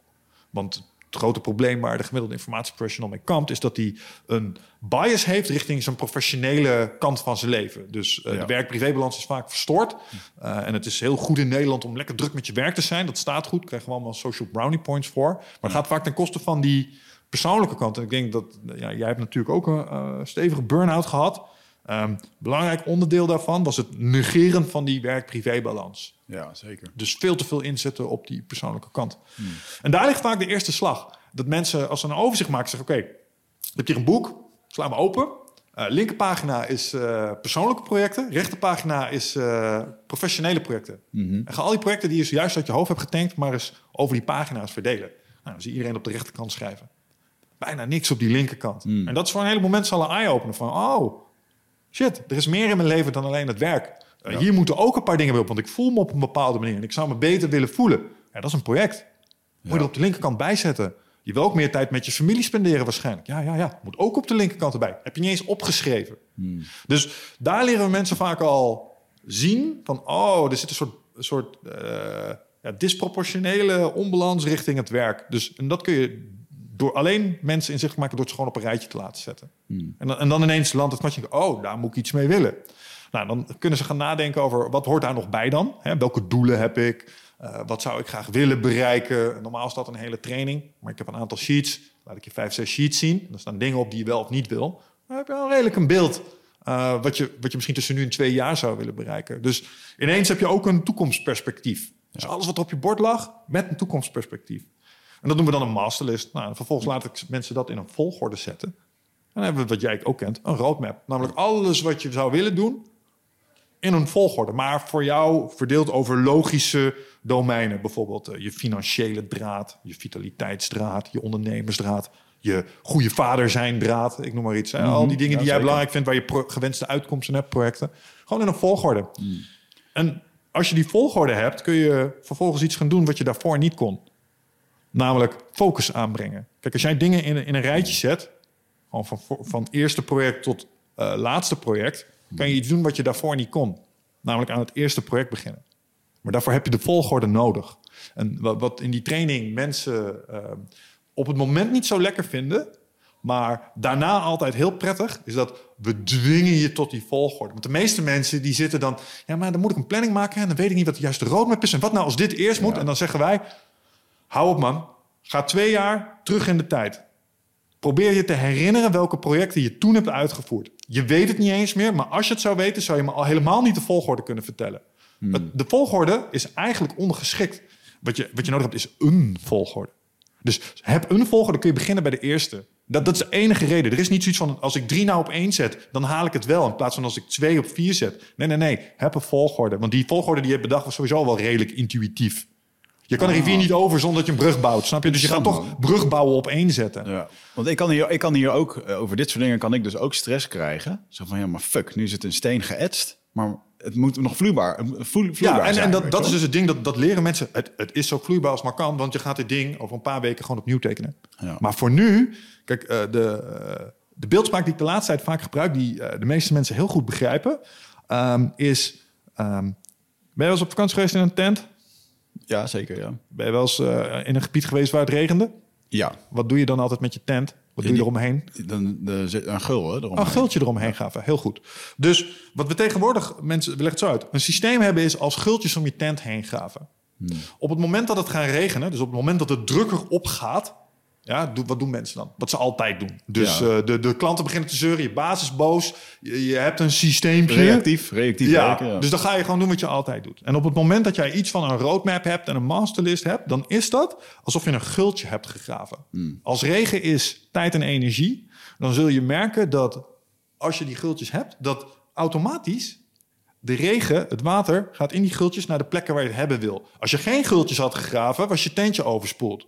Maar omdat je die gultjes hebt gegraven, loopt het al iets meer als dat het normaal gesproken zou doen, richting de kanten waar je het op wil hebben. En dat is wat je, dat is wat je roadmap is. Dus omdat je die volgorde hebt bepaald, je gaat hem niet perfect volgen. Dat hoeft ook helemaal niet. Maar al zou je er maar 1% meer volgen. En, en vaak gaan mensen veel meer, maar al zou je maar 1% meer eh, tijd en energie in die projecten steken als eerst, dan is de kans sowieso al toegenomen dat, en, dat je ze gaat volbrengen. En de snelheid waarmee zal ook toenemen. Maar het, blij- het blijft niet maar 1%. Het wordt veel meer. En dat, dat fenomeen, dat ken jij misschien ook nog wel. We hadden eh, Sarai ken je natuurlijk. Eh, Sarai, op mijn Instagram heb ik een story van. Blij het 12 even. Want zij is een soort typerend voor de ervaring die iedereen daarna heeft als ze hun eerste roadmap reviewen. Namelijk, ik had die roadmap gemaakt. Ik heb er vijf weken niet naar gekeken. Nu pak ik hem er weer bij. Nu ga ik reviewen. Shit man, ik heb al die shit gewoon gedaan. Ja. Was ik me niet van bewust. Is universeel. Ja. En daar zie je, hey, het feit dat je die exercitie hebt gedaan, heeft ervoor gezorgd dat je uitgifte van tijd en energie onbewust meer richting die dingen is gegaan als dat het anders zou zijn gegaan. Daar zit dus een rendement op. Ja, ik kan dit beamen, want ik heb Ja. vorige week eh, klapte ik een eh, boek over bij mijn kantoor. eh, Zo'n magisch notitieboek. Ja. En daar vond ik een checklist van allemaal dingen die ik wilde doen. Ik heb die ooit gemaakt, ben waarschijnlijk in een ander boek gaan werken of zo. En toen dacht ik, oh, hey man, het is gewoon 80% is gedaan. Weet je? En met sommige dingen dacht ik nog, hey, oh ja, waarom heb ik dat eigenlijk niet gedaan? Oh, ik kan nog steeds wel doen, weet je wel. Ja, en als je die roadmaps over de loop der tijd hebt, kun je ze op een gegeven moment dus achter elkaar plakken. Ja. Tak, tak. Kijk, Jedi Academy stond op mijn allereerste roadmap. Ja, zeker. Ja. Eh, dus die kon je vinken. Maar ondertussen, als je al die roadmaps zag, dan zie je zeg maar hoe je in incrementele stapjes, kleine stukjes, steeds meer richting doelwerk en dat je die vinkjes zet die er komen. Ja. En, en dat is het mooie van het werken met een systeem. Als je dat één keer hebt gedaan, denk je, ah, dat is interessant. Als je het de tweede keer hebt gezien bij je roadmap erop, denk je, hmm, oké. En de derde keer denk je, oké, ik moet echt nu gaan nadenken over wat ik op die roadmap zet. Want blijkbaar als ik het erop zet, dan lukt het gewoon. Dan gaat het gewoon gebeuren. Ik bedoel, boekschrijven is ook ooit gewoon een keer op zo'n roadmap neergezet. Ja. Eh, bepaalde podcastgasten waarvan we dachten, David Allen, Jordan Peterson, zijn ooit een keer opgeschreven. Het is allemaal gewoon gelukt. Het gebeurt ergens. Dat- Ja, is beetje- ergens zet je dingen in gang om er bijna- toch te komen. het is bijna eng dat het dan gebeurt. Ja, maar ook weer niet. Want eigenlijk is het heel logisch. Omdat je tegen je brein een van de meest fantastische, complexe, eh, prachtige, problemen oplossende mechanismes op deze aardkloot die er is, geef gewoon de opdracht: breng mij daar. Ja. Onze hersenen, ons intellect als mensen, ja, kijk, kom je heen naar de rest van de dieren. Wij zijn slim, man. En jouw, jouw brein is zo vernuftig. Ja, ik heb, ik heb me verbaasd. Uh, nee, soms nog steeds wat er gebeurt in de wereld. Dan denk je, Tuurlijk, hmm, eh, hoe meer mensen je in een groepje gooit, hoe dommer Maar we ook weer worden. ik- Maar het individu eh, is echt in staat om moeilijke problemen op te lossen. En wat je met zo'n roadmap eigenlijk zegt tegen je hersenen... is hetzelfde als dat je tegen je hersenen zegt... als je aan de waterkant van een snel stromende rivier staat... die zegt, ik wil naar de overkant. Mhm. Dan zegt je hoofd, oké baas, gaan we fixen. Overkant is het doel. We hebben hier een boom, laag hangende tak. is een instrument. Het water is duidelijk een obstakel. Dus ik zie daar een paar Ja. piranha's. Hm, moet ik ook vermijden. Dus je kan niet anders dan dat. En zo'n roadmap is eigenlijk als zeggen tegen hersenen... nou, breng me daar. En dan zeg je hersenen, oké, gaan we doen baas. En dan, Zeker. Het is mooi dat je dat zegt, want ik was de laatste tijd een beetje verzand in. eh, ehm, en dan zoek ik een beetje een shiny object syndroom in de zin van marketing dingetjes. Eh, van hoe kan je dat nou doen? Wat is de beste formule? En dan heb je allemaal van die marketeers. Iedereen probeert je wat te verkopen. Eh, en ze verkopen het, als ze het goed verkopen aan je, verkopen ze het aan je alsof, alsof hun oplossing echt de enige oplossing is. En als je dat niet doet, you're missing out. ja, Dat is natuurlijk ook een fucking illusie. En, eh, maar als we dat nou allemaal gewoon eens eventjes weghalen... en ga er nou gewoon zelf eens even over nadenken. Gewoon, je, bent- je bent zelf altijd creatief geweest, weet je wel. Ik bedoel, je bent zelf je eigen jaarprogramma begonnen... ergens in Deventer, je hebt dat allemaal helemaal gedaan... en daar krijg je feedback op en van daaruit groeit het. Ehm, eh, je bent helemaal niet actief op social media, niet veel... en toch heb je een goed lopend bedrijf. En voor heel veel mensen is dit al een soort van... nee, maar als ik een goed lopend bedrijf heb, moet ik op social media zitten. Dat is echt grote onzin, weet je wel. Maar gewoon zelf eens even een uur gaan zitten over iets... en diep nadenken... Eh, heb je nog eh, haal je iets van Cal Newport aan? Toevallig in jouw eh, in het deep thinking gebeuren? wel, nee? Cal Newport heeft dat boek geschreven over langere tijd zonder afleiding aan iets deep work. Dus Oké, ja, sure. Ja, ja, ja. ehm, daarin werken en gewoon zelf je eigen brein laten werken. Want alle ruis van buitenaf leidt je ook weer af. En, en zorgt weer dat je over dat gultje heen springt en weer andere dingen gaat doen. Daar ben ik heel erg gevoelig voor. In Ja. ieder geval. Herkenbaar. Komt Deep Work, Deep Work terug in het... eh, Zeker. Ehm deep work, want de, zeg maar, als je kijkt naar, naar de kernconcepten die ik mensen bijbreng, waren we gestrand bij eh, het stukje volgorde. En wa- wat we dan vervolgens leren is, kijk, leuk dat je een volgorde van je doelen hebt. Daar stranden de meeste mensen. Eh, want nu heb ik doelen, nu heb ik een roadmapje, dat was leuk, maar nu moet het daadwerkelijk gaan gebeuren. En voortgang wordt alleen geboekt op het moment dat jij tijd en energie uitgeeft aan dat specifieke doel. Als dat een emmertje is, dan moet je gewoon knikkers in gooien totdat die vol zit. En het spelletje wordt nu zoveel mogelijk knikkertjes in de eerste bakjes gooien. Totdat ze vol zijn en dan door naar de volgende. En dat is gewoon eh, een houding. En dat hoeft niet perfect te gaan. Maar je gooit dus de meeste knikkertjes in bakjes, naar je vraag, als je dat doet in een staat van diep werk. En dat is basically een flow state. Eh, je, kan, eh, je, je hersenen kunnen in allerlei frequenties dingen doen. En een van de staten, het kan heel, zich heel gestrest voelen. En dan genereert je hoofd hersengolven. Kun je scannen. Dat ziet er heel grillig uit. Maar je kan ook mediteren. Dan ben je helemaal kalm. Je ademhaling heeft daar een eh, invloed op. En dan is het eh, heel mooi rustig eh, patroon. Nou, die staat van zijn, die hersenstaat, dat als mensen heel erg in een geconcentreerde staat zijn en ze zijn echt met een probleem bezig, zonder afleiding inderdaad, ze kunnen er helemaal zich in onderdompelen, dan kom je in een staat van flow. En iedereen heeft dat wel eens een keer meegemaakt, iedereen is wel eens een keer op zijn werk gekomen en op een of andere manier ging het soepel die dag. Je, je ging zitten, er was geen afleiding, niemand kwam naar je bureau en je begon te werken en ineens, ploep, was het vier uur later, tijd om te lunchen. Je kijkt op het klokje. Maar zo laat al? Hele mail gedaan, moeilijke documenten gedaan, eh, lastige dingen aangepakt en het deed vandaag geen pijn. Als je dat herkent, dan heb je flow heb je ondervonden. En in die mentale staat van zijn kun je afdwingen door inderdaad afleiding eh, te elimineren. Mail uit, telefoon uit. Jezelf te isoleren van een open kantoor. Dus ga even ergens anders zitten. En weten van tevoren wat je gaat maken. is ook heel belangrijk. En zorgen dat je het materiaal wat je ervoor nodig hebt, ook hebt. Ja. Want veel mensen nemen zich vorm te doen en dan willen ze beginnen. En dan, oh shit, ik heb dit nog niet. Ja. En dan moeten ze daar weer achteraan en dan zitten ze daar weer op te wachten. Dus dat, dat is heel belangrijk, dat stukje deep work. En we doen dat in combinatie met het maken van een soort ideale eh, rooster. Want d- dat is vaak het probleem. Hè? Wanneer geef ik mijn tijd waaraan uit? En waar je een boel mensen eh, mee ziet worstelen, is ehm, dat ze zichzelf eigenlijk te weinig tijd gunnen om te doen wat er gebeuren moet. Dus wat wij mensen leren is, alles wat langer dan een uur duurt, moet in de agenda. Ja, dus laat, begin daar maar eens mee. Want dan ga je een paar dingen leren. Namelijk, jij denkt dat je iets kan in een uur. Dat is niet zo. Jij overschat je eigen productiviteit en je onderschat de complexiteit van hetgeen je probeert te doen. Ja. Dus begin maar eens met alles wat langer dan een uur duurt vast te leggen in die agenda. Ja. Nou, dan, dan zie je, ik zit redelijk snel, redelijk vol. Ehm, en de tweede stap is, denk dan eens na over hoe je zou willen dat je uitgifte in een week qua tijd en energie eruit zou zien. Dus hoeveel tijd daarvan spendeer je aan vitaliteit, tijd voor je gezin. Weet je wel, zoals we met Richard de Let toen ook hebben besproken. Begin met je vrije tijd in te plannen. Dus denk daar eerst maar eens over na. Hoe zou je ideale droomweek eruit zien? Nou, dan werk ik alleen s ochtends aan deep work, ben ik om twee uur klaar. Uh, train ik in de middag, whatever. Kun je van alles van vinden. Um, dus denk daar maar eens over na, hoe dat eruit zou kunnen zien. Um, en hier is een extra kader. Probeer vanaf vandaag nog maar vier uur per dag deep work te pakken.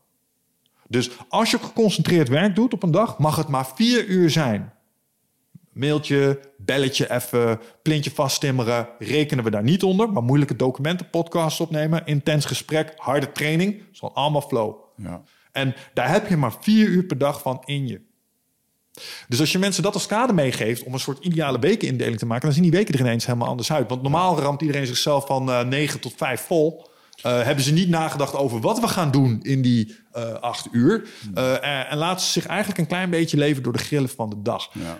En, en, door van tevoren na te denken over hoe je zou willen dat zo'n dag eruit ziet, of hoe je wilt dat een week eruit ziet. Want je moet je voorstellen, je hebt een roadmap. En op je roadmap staat iets over eindbazen, maar staat ook iets over Bishinawa, uh, maar staat ook iets over ouderschap.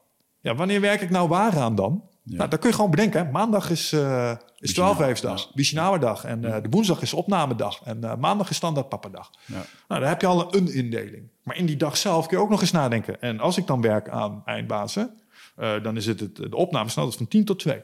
Ja. Vier uur focustijd, daarna is het gewoon klaar. Schrijven is altijd om 8 uur s ochtends in een deep work blok. Doe ik maar een uurtje per dag.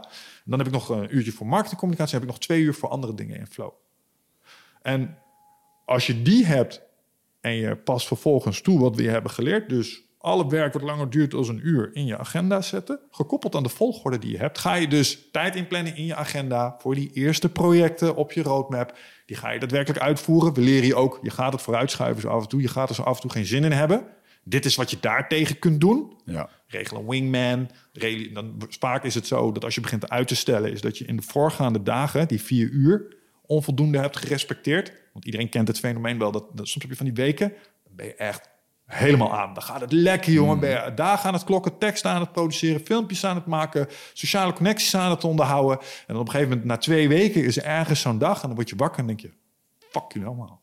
Ik heb er geen zin meer in. Ik ben leeg. Ik heb geen zin in. Dan ben je, ben je weer een week ben je gewoon niet productief ben aan het aanklooien.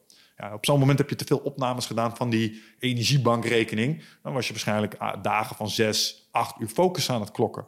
En dat kan wel voor beperkte tijden. Maar het zijn altijd opnames. Dus als ik nu acht uur doe, moet ik morgen eigenlijk rust pakken. Ja. En dat leren we mensen ook. En daarmee wordt het spelletje ineens duurzaam.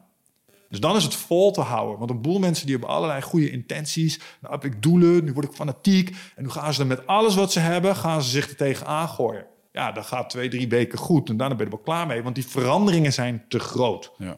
Dus begin nou met hele kleine aanpassingen. En dan kom ik weer terug op die 1%. Want dat is iets dat, dat snappen mensen het best. Als je twee bootjes naast elkaar laat varen.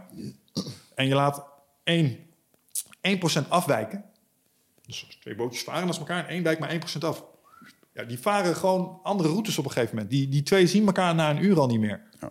Omdat ze zo ver uit elkaar liggen. En die 1% is dan een... Nou, bijvoorbeeld het feit dat je nu wel dingen uit je hoofd op papier zet. Uh, en dat je uh, drie stapjes per dag probeert te maken richting zo'n eerste emmetje. Als je dat kan, ja, je, en je neemt dan ook nog eens eens in de zoveel tijd even pauze om te kijken naar die roadmap, nou, dan heb je het rondje eigenlijk compleet van die kernprincipes. Ja. Dus zorgen dat je je doelen stelt, zorgen dat je elke dag drie stapjes richting die doelen stelt.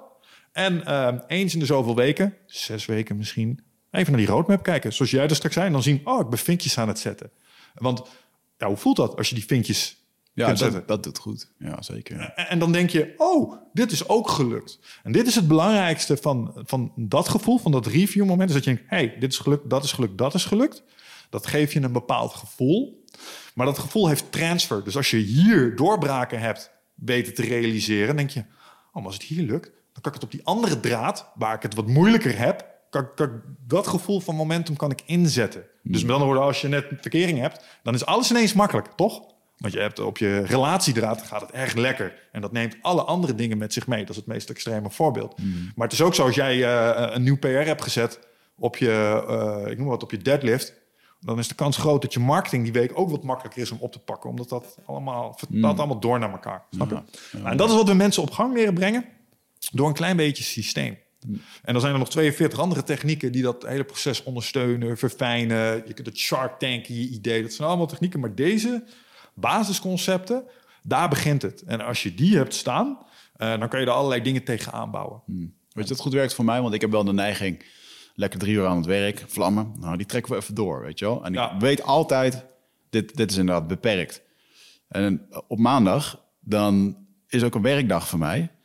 Maar dan baal ik altijd een beetje van, ik heb eigenlijk weinig tijd. Want ik ga eerst om 11 uur, eh 10 uur ga ik crossfitten tot 11 uur. Nou ben ik 12 uur kantoor, moet nog even eten. En om 4 uur moet ik Lea ophalen van school. Heb ik 4 uur tijd. Maar doordat er een bepaalde tijdbeperking is, krijg ik in die maandag, werk ik waarschijnlijk al meer en effectiever dan sommigen in drie dagen. Ja. Krijg veel gedaan. Eh, woensdag is dan helemaal mijn vrije dag. 's ochtends vroeg opstaan, vroeg naar kantoor. Doe ik wel veel, maar ik ben wel de hele dag gewoon wel bezig met van allerlei dingen. Maar ik heb niet dat gevoel van de maandag. Gewoon even die Heubelen. vier uur en eh, ja. Ja, klusjes. Ja. ja, en ik vind het juist lekker om dat gevoel wat jij op de maandag hebt. Dat wil ik eigenlijk elke dag. Daarom zeg ik, ik heb gewoon vier uur om het in te doen. Ik sta om acht uur op. Ja. en het liefst ben ik om twaalf uur ben ik klaar. Ja. En dan is de dag wat het is. En dan mag ik wel doorwerken, mag ik nog wat dingetjes doen, maar het hoeft niet. Ja. En, en dat is. En, ik, en dat eigenlijk is het te kinderachtig voor woorden. Maar bij mij in mijn hoofd werkt het zo dat als ik aan mijn marketinguitingen moet werken. Ja, ik heb nu vier uur gehad. En dan moet ik eigenlijk nog een paar stories maken voor Instagram. Moet. Heb ik zin in. En dan. huh. Laat ik dat nu gaan. Ik, je hebt vier uur gewerkt, dat is oké.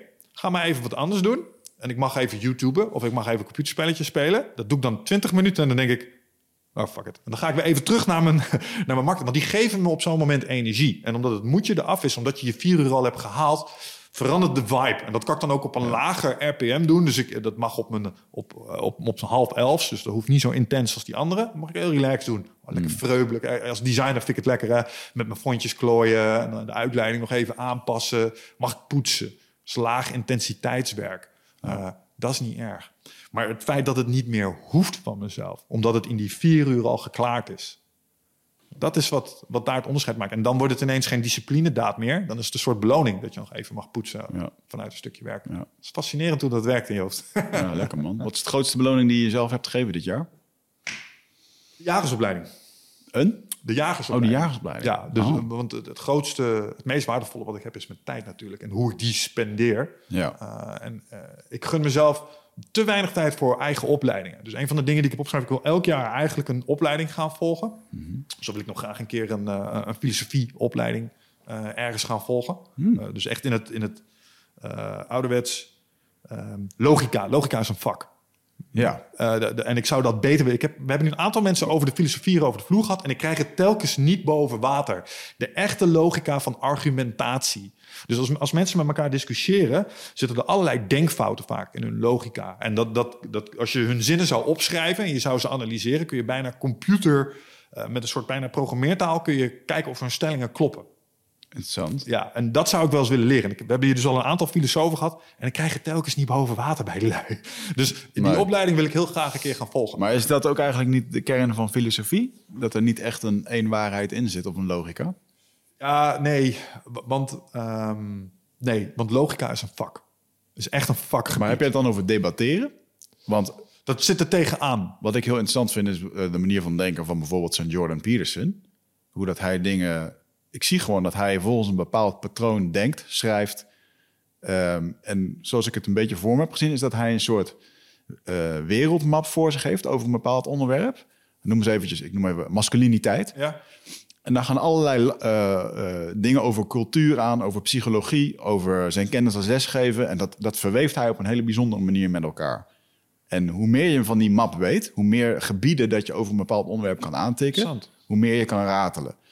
En um, uh, hij heeft dus ook een uh, cursus volgens mij over hoe je essays kan schrijven. En dat al zijn leerlingen eh, dik cijfers daarin haalden. Gewoon Ja. goed het verhaal voor jezelf weten te Ja. schrijven. Maar dat helpt je dus ook met goed nadenken. Want ik kan ook best wel van hond naar her gaan. En eh, het grappige was dat ik... Ik bereid nooit een podcast voor. Eh, maar met Erwin had ik dat wel gedaan. Geïnspireerd door Jordan Peterson en Lex Friedman. Over hun manier van vragen stellen, nadenken, eh, de, vragen die ze ook stellen. En dat was een heel erg gestructureerd gesprek. Waar ik eigenlijk achteraf van dacht, ik zei nog thuis tegen Marieke, van ja, eigenlijk dacht ik, dit was heel veel beter. Ja. Ja, en eh, even terug naar Lex dan, want Lex is een mooi voorbeeld hiervan. Lex heeft het in zijn podcastfase vaak over first principles. Eerste principes die je kunt afleiden vanuit een bepaalde manier van denken. Dus eh, waarom gebeuren bepaalde dingen op deze manier? Wat zijn de aannames die ik doe over deze oplossing? Wat van die aannames kan ik ontkrachten? Eh, welke dingen zijn echt onomstotelijk te bewijzen? Wat zijn gevoelsmatige argumenten? En dat kun je helemaal uitpluizen en dat, dat helpt je dus in je besluitvorming. Dus sense-making. Ja. Eh, en waar, waar bij mij altijd heel duidelijk eh, wordt dat ik daar heel slecht in ben, is bijvoorbeeld met statistiek. In de pandemie werd dat pijnlijk duidelijk dat zodra ze met cijfertjes gaan gooien en zo, kun je mij heel snel in de war brengen. Eh, omdat het logisch klinkt wat je zegt. Ja. Maar als dan iemand die die logica echt beheerst, ernaast misschien, nee, nee, hier zit de denkfout. Wat je doet is dit met dat vergelijken. En dat klopt niet om Ja. deze reden. Ja. Die manier van denken, dat wil ik beter leren. En daar zijn opleidingen voor. Mooi. Dus dat is een opleiding die ik nog zou willen doen. Vet. Maar even terug naar jacht- en faunabeheer. Ehm ja, we wonen hier natuurlijk... Je wil gewoon een wapen, jongen. Ja, Je wil gewoon een gun hebben. Zeker niet. Hebben we al? Nee. deze en deze? Nee. Ehm, het is... eh, het mooiste wat ik er nu al uit heb gehaald... is dat ik volledig anders tegen de natuur aankijk. Hmm. Dus inderdaad, het begon. Het lijkt me cool om te kunnen leren jagen. Zelfredzaamheid. Eh, weten hoe het is om bijvoorbeeld een ree eh, van bos tot bord te brengen. Nou, ten eerste op reeën mag je niet jagen. Nu Want we wonen ook hier in een bos nu, of tenminste, jij woont hier Ja. in een bos. eh, waar, waar jij eigenlijk voor ogen hebt om te gaan jagen. Om dit. Ja, dat, dat was het geromantiseerde beeld wat ik eh, in eerste instantie erbij had. Van, ah, kun je jagen hier op je... Maar je mag maar op vijf dieren in Nederland jagen. Het merendeel van dieren dat in Nederland, eh, zeg maar, met, waar jagers mee te maken krijgen... is- wordt gedaan vanuit eh, schade, fauna- en schadebeheer. Ja. Dus eh, we gaan hier straks eh, een moestuin eh, aanleggen... waar ten alle tijden, in alle seizoenen... voor 100 mensen eten uit moet worden kunnen gehaald... voor alle mensen die hier gaan verblijven. Ja. Oké, stel je voor je hebt hier een zwerm raven of eh, kraaien. Die, die kunnen in één middag Alles kunnen ze je hele seizoen verstieren. Ja. Nou, en daar moet je dingen voor doen eh, om dat te voorkomen. En er zijn allerlei manieren om dat te doen. En dat is niet meteen schieten, laten we dat vooropstellen. Er zijn een heleboel. Nederland is in dat opzicht een heel erg gereguleerd land. Ehm, en er zijn ook gedragsregels. Een van de dingen die ik heb geleerd, wist ik niet. Je mag, eh, het is nu wit buiten. En als wij een beeld hebben van jagen, dan denken we, dan heb je een man of een vrouw en die is aan het spoor zoeken in het bos. En dan vindt hij iets, bijvoorbeeld eh, een hazenspoor in de sneeuw. En dan ga je dan volgen en dan ga je wachten bij zijn hol totdat je hem ziet. Is dat het beeld wat jij... Nou, dat is Nee. het beeld wat ik had bij Oh, jagen. nee, nee. Wat ik niet wist is bijvoorbeeld, je mag geen sporen in de sneeuw volgen. Van de vijf jachtsoorten. Dus van een, eh, want, eh, tenminste als ze lopen. Eh, want het is niet weidelijk, het is niet sportief. Wat interessant. Ja, dus er zijn allerlei eh, ge- gedragsregels, normen en waardekaders... eh, waarbinnen de jacht in Nederland moet plaatsvinden. Even los van de wet en regelgeving. Ja. Ja, dat is wel interessant. Ik, ik woon dan in de achtertuin van, eh, van Schiphol. Eh, en daar heb je dus ook van, nou, gewoon weilanden vol. En daar zitten nu echt duizenden ganzen. En die vreten het hele land kapot. Ja. En daar zie ik gewoon zesjarigen op sommige ochtenden om zeven uur 's ochtends. Dan hoor ik gewoon... En dan... Ja, het is eigenlijk gewoon een soort van fancy fair van schieten. Tuurlijk, die ganzen moeten geschoten worden en weggejaagd worden. Ehm, maar dat is gewoon aan de kant van een weiland op de dijk staan en... eh, Ja, ja, ja. Ja, het moet. ja, stel je voor dat, jou, nou, eh, dat, dat, dat je daar je moestuin hebt liggen, inderdaad. En eh, zo'n zwerm met ganzen komt daar. Kijk, het is ook zo, als je ze er één keer hebt weggejaagd, komen ze ook vaak niet meer terug. Hè? Het zijn, zo dom zijn ze nou ook weer niet. Nee. Ehm, een van de redenen, een van de dingen die we hier op het landgoed veel meemaken, eh, is sowieso als je publiek woont op een eh, groot stuk grond waar andere mensen komen, dan kom je al redelijk snel achter wat voor eikels sommige mensen zijn. Jezus Christus. En een van de dingen waar we hier tegenaan lopen zijn mensen met honden. Ja. Eh, die willen ze niet aanlijnen. Maar wat is het nou als je hier eh reeën hebt met jonge hertjes? Nou, sowieso zo'n hond controleer je niet als hij achter zo'n jong aangaat. En als hij dat doodbijt, want dat gebeurt, is hier afgelopen zomer nog gebeurd. dan kan het maar zo zijn dat die reeënclan zegt, weet je wat het is? Hier worden onze jongeren doodgebeten. Wij gaan wel een paar wijtjes verderop kijken. Wij komen hier niet meer terug. Interessant. Ja, Mijn- mijn want het zijn geen domme beesten, snap je? Nee, mijn, mijn moeder die, eh, heeft altijd bij Staatsbosbeheer eh, gewerkt. En is nu dan met pensioen. En die geeft wandelingen in, eh, ergens in een bosgebied in Nederland. In Bergen, volgens mij. Bergen op Zoom. Nee, ik zeg het verkeerd. Nou, ergens in de buurt van Brabant. En ehm, die treffen dus dode hertjes aan die weg zijn gerend voor een hond, loslopende hond. En die vervolgens dat hert een hartstilstand heeft gekregen. Ja. Weet je, En dus ik dacht eerst ook altijd van, ja, maakt nou uit, weet je wel, zo'n hond. Maar ja, het is inderdaad wel echt heel vervelend. Ja, en eh, als je doel is om een gezonde reeënpopulatie in Nederland erop na te houden, eh, Ja. dan, dan moet je met dat soort dingen moet je dat gewoon reguleren. Ja. En ik denk dat veel mensen niet beseffen dat wij in een groot eh, hè, stadspark, aangelegd stadspark leven. Ook onze natuur is veel aangelegd. En dan kan je zeggen, het zielig dat we die konijnen schieten. Ja, maar we hebben, omdat jij nu woont daar, eh, hebben we dingen moeten wegkappen. Zijn er geen vossen en dingen om het natuurlijk in stand te houden. En krijg je dus een, een konijn zonder natuurlijke vijand die alles kapot knaagt. Ja. Het is jouw schuld dat je daar woont. Je bent er mede, weet je, je kan je vegan zijn, maar dan moet je daar ook niet wonen. Het is gewoon een onderdeel ervan. Ja, sowieso. Nou ja, je hebt niet zoveel te maken met jacht op het moment dat je ergens woont. Want dat is natuurlijk binnen de bouwde kom echt vo volledig Nee, maar ik, ik woon zeg maar aan de, aan de rand van zo'n weiland. En, Ja. en, eh, nou goed, bij ons wordt er veel gejaagd. Dus ik, ik spreek dan wel een beetje met de jagers van wat er daar gebeurt. Maar ik snap wel, het jagen is niet zozeer... eh, ehm, dus vaak zeggen mensen die negatief zijn over jagen... begrijpen niet goed waar het jagen over gaat. En zoals ik al zei, het begon met het geromantiseerde beeld van zelf je eten en vlees uit de natuur kunnen halen. Maar met dat je die opleiding instapt, leer je meteen een aantal dingen. Er zijn bijvoorbeeld maar vijf soorten in Nederland waar je op mag jagen. Op een aantal mag je vanuit schade Wat mag je schieten? Wat zijn de, Eh, de big five? De, ja, de, ja, de Big Five big- van Nederland zijn een, een haas, een konijn, een houtduif, een wilde eend en een fazant. Dat zijn de vijf jachtsoorten. Merk op, daar zit geen reet tussen bijvoorbeeld. Geen gans, helemaal niks. Je mag niet op een hert schieten hier. Eh, jawel, als we, ehm, maar dat is dan geen jacht. Dat is beheer. En dat is een verschil. Dat is dus belangrijk in de wet, want er zijn nog zes diersoorten waar die vanuit beheer, waar een vrijstelling op is. Hmm. Eh, houtduif, konijn, eh, vos, eh, Canadese gans. Oh, nou, dit is meteen kijken of ik de overhoring haal, de kou. En ik mis er nog één. De, nou, maakt even niet uit. Maar er, er is een vrijstelling op zes dieren die zoveel schade veroorzaken dat ze. Daar mag je ook buiten het jachtseizoen mag je daarop schieten. Wat dus iets anders is als jagen. En dat is ook eigenlijk niet bedoeld voor consumptie. Dat is echt allemaal bedoeld voor eh, schade en, en faunabeheer. Echt om, om bijvoorbeeld je landgoed of bepaalde stukken agrarische sector gewoon te stellen. Waarbij, ik moet zeggen trouwens, het gebruik van een wapen echt een van de laatste middelen is. Je moet het altijd eerst op een andere manier doen. Bijvoorbeeld met afschrikmiddelen. Van, dat, van dat lint wat lawaai maakt bijvoorbeeld. Eh, dat soort zaken. Maar wat- er, even, even los daarvan, wat er zo ontzettend gaaf aan is... is dat je, ehm, doordat je die dingen leert... Ik, ik moet bijvoorbeeld nu ook alle dieren... eh, moet ik, vogels, eh hoefachtige, veerwild... Je, je leert het allemaal kennen. Dus als ik nu hier over het landgoed loop... Ik ben gewoon vogelspotter geworden. Maar kijk, wat is dat dan? Ik kan buizerds ineens. Is, wist ik niet. Er zit weer zo'n grote vogel op een, Ja. op een paal. Ah, is een buizerd. Luie Interessant. vogel trouwens. Daar leer je veel van. Ja, dus je leert er veel van. Dus ineens wordt je perceptie van alles wat je ziet, wordt volledig anders, helemaal verrijkt. Eh, omdat je nu dingen daarover aan het leren bent. Je bent natuurlijk met de nieuwe stof bezig, dus dat wil je ook integreren. Dus je bent er actief mee bezig. Maar alleen al daardoor ga je ook weer heel anders kijken naar bijvoorbeeld hier wat er eh, gebeurt aan eh, la- landschapsinrichting bijvoorbeeld. Een van de dingen die best wel een thema is in die opleiding, is bijvoorbeeld... bijvoorbeeld een, kito, eh, een kiewiet en een grutto zijn best wel schaars geworden in Nederland. Het heeft alles te maken met de bodem. Eh, water. De bodem is te droog. Te weinig insecten. En voor die beesten is vooral in het begin, als ze nog jonkies zijn, dus nog niet eh, zeg maar klaar om te vliegen, moeten ze heel veel mugjes eten. Nou, die zijn er gewoon op sommige plekken van Nederland minder, omdat die bodem helemaal aan het verdrogen is. Dus daar, daar krijg je ook een, stu- een stukje extra bewustzijn op. En dan en dat vind ik dan eh, nu al een soort van. eh, lijkt me dat interessant. Want ik weet dat als je zegt. Ik ga jagen, ik ga dieren. Dat vindt iedereen. Oh, maar eh, zielig, zus, zus en zo. Ja, maar jagers zijn juist ontzettend belangrijk in Nederland. om ook populaties in stand te houden. Ja. Bijvoorbeeld door te zeggen, oh, hey, die gutto's gaat wel echt heel slecht mee. We moeten nu dingen gaan doen om ervoor te zorgen dat die wildstand weer goed komt. Ja. En dat betekent bijvoorbeeld predatoren van die dieren reguleren. Dus eh, oh, we zien dat daar wel heel veel eh, reigers zijn. En reigers eh, staan erom bekend dat ze nesten leeghalen. ja. Moeten we de reigers misschien gaan Ja, managen daar? Ik zie, ik zie reigers bij ons in het weiland. Je hebt gewoon een keer een mol zien opeten. Ja, Dat zijn echt predators. ja, zo, ja. ja. Ja. Ooievaars, idem dito. Als je ooit een reiger schiet, moet je de veer aan mij geven. Oké.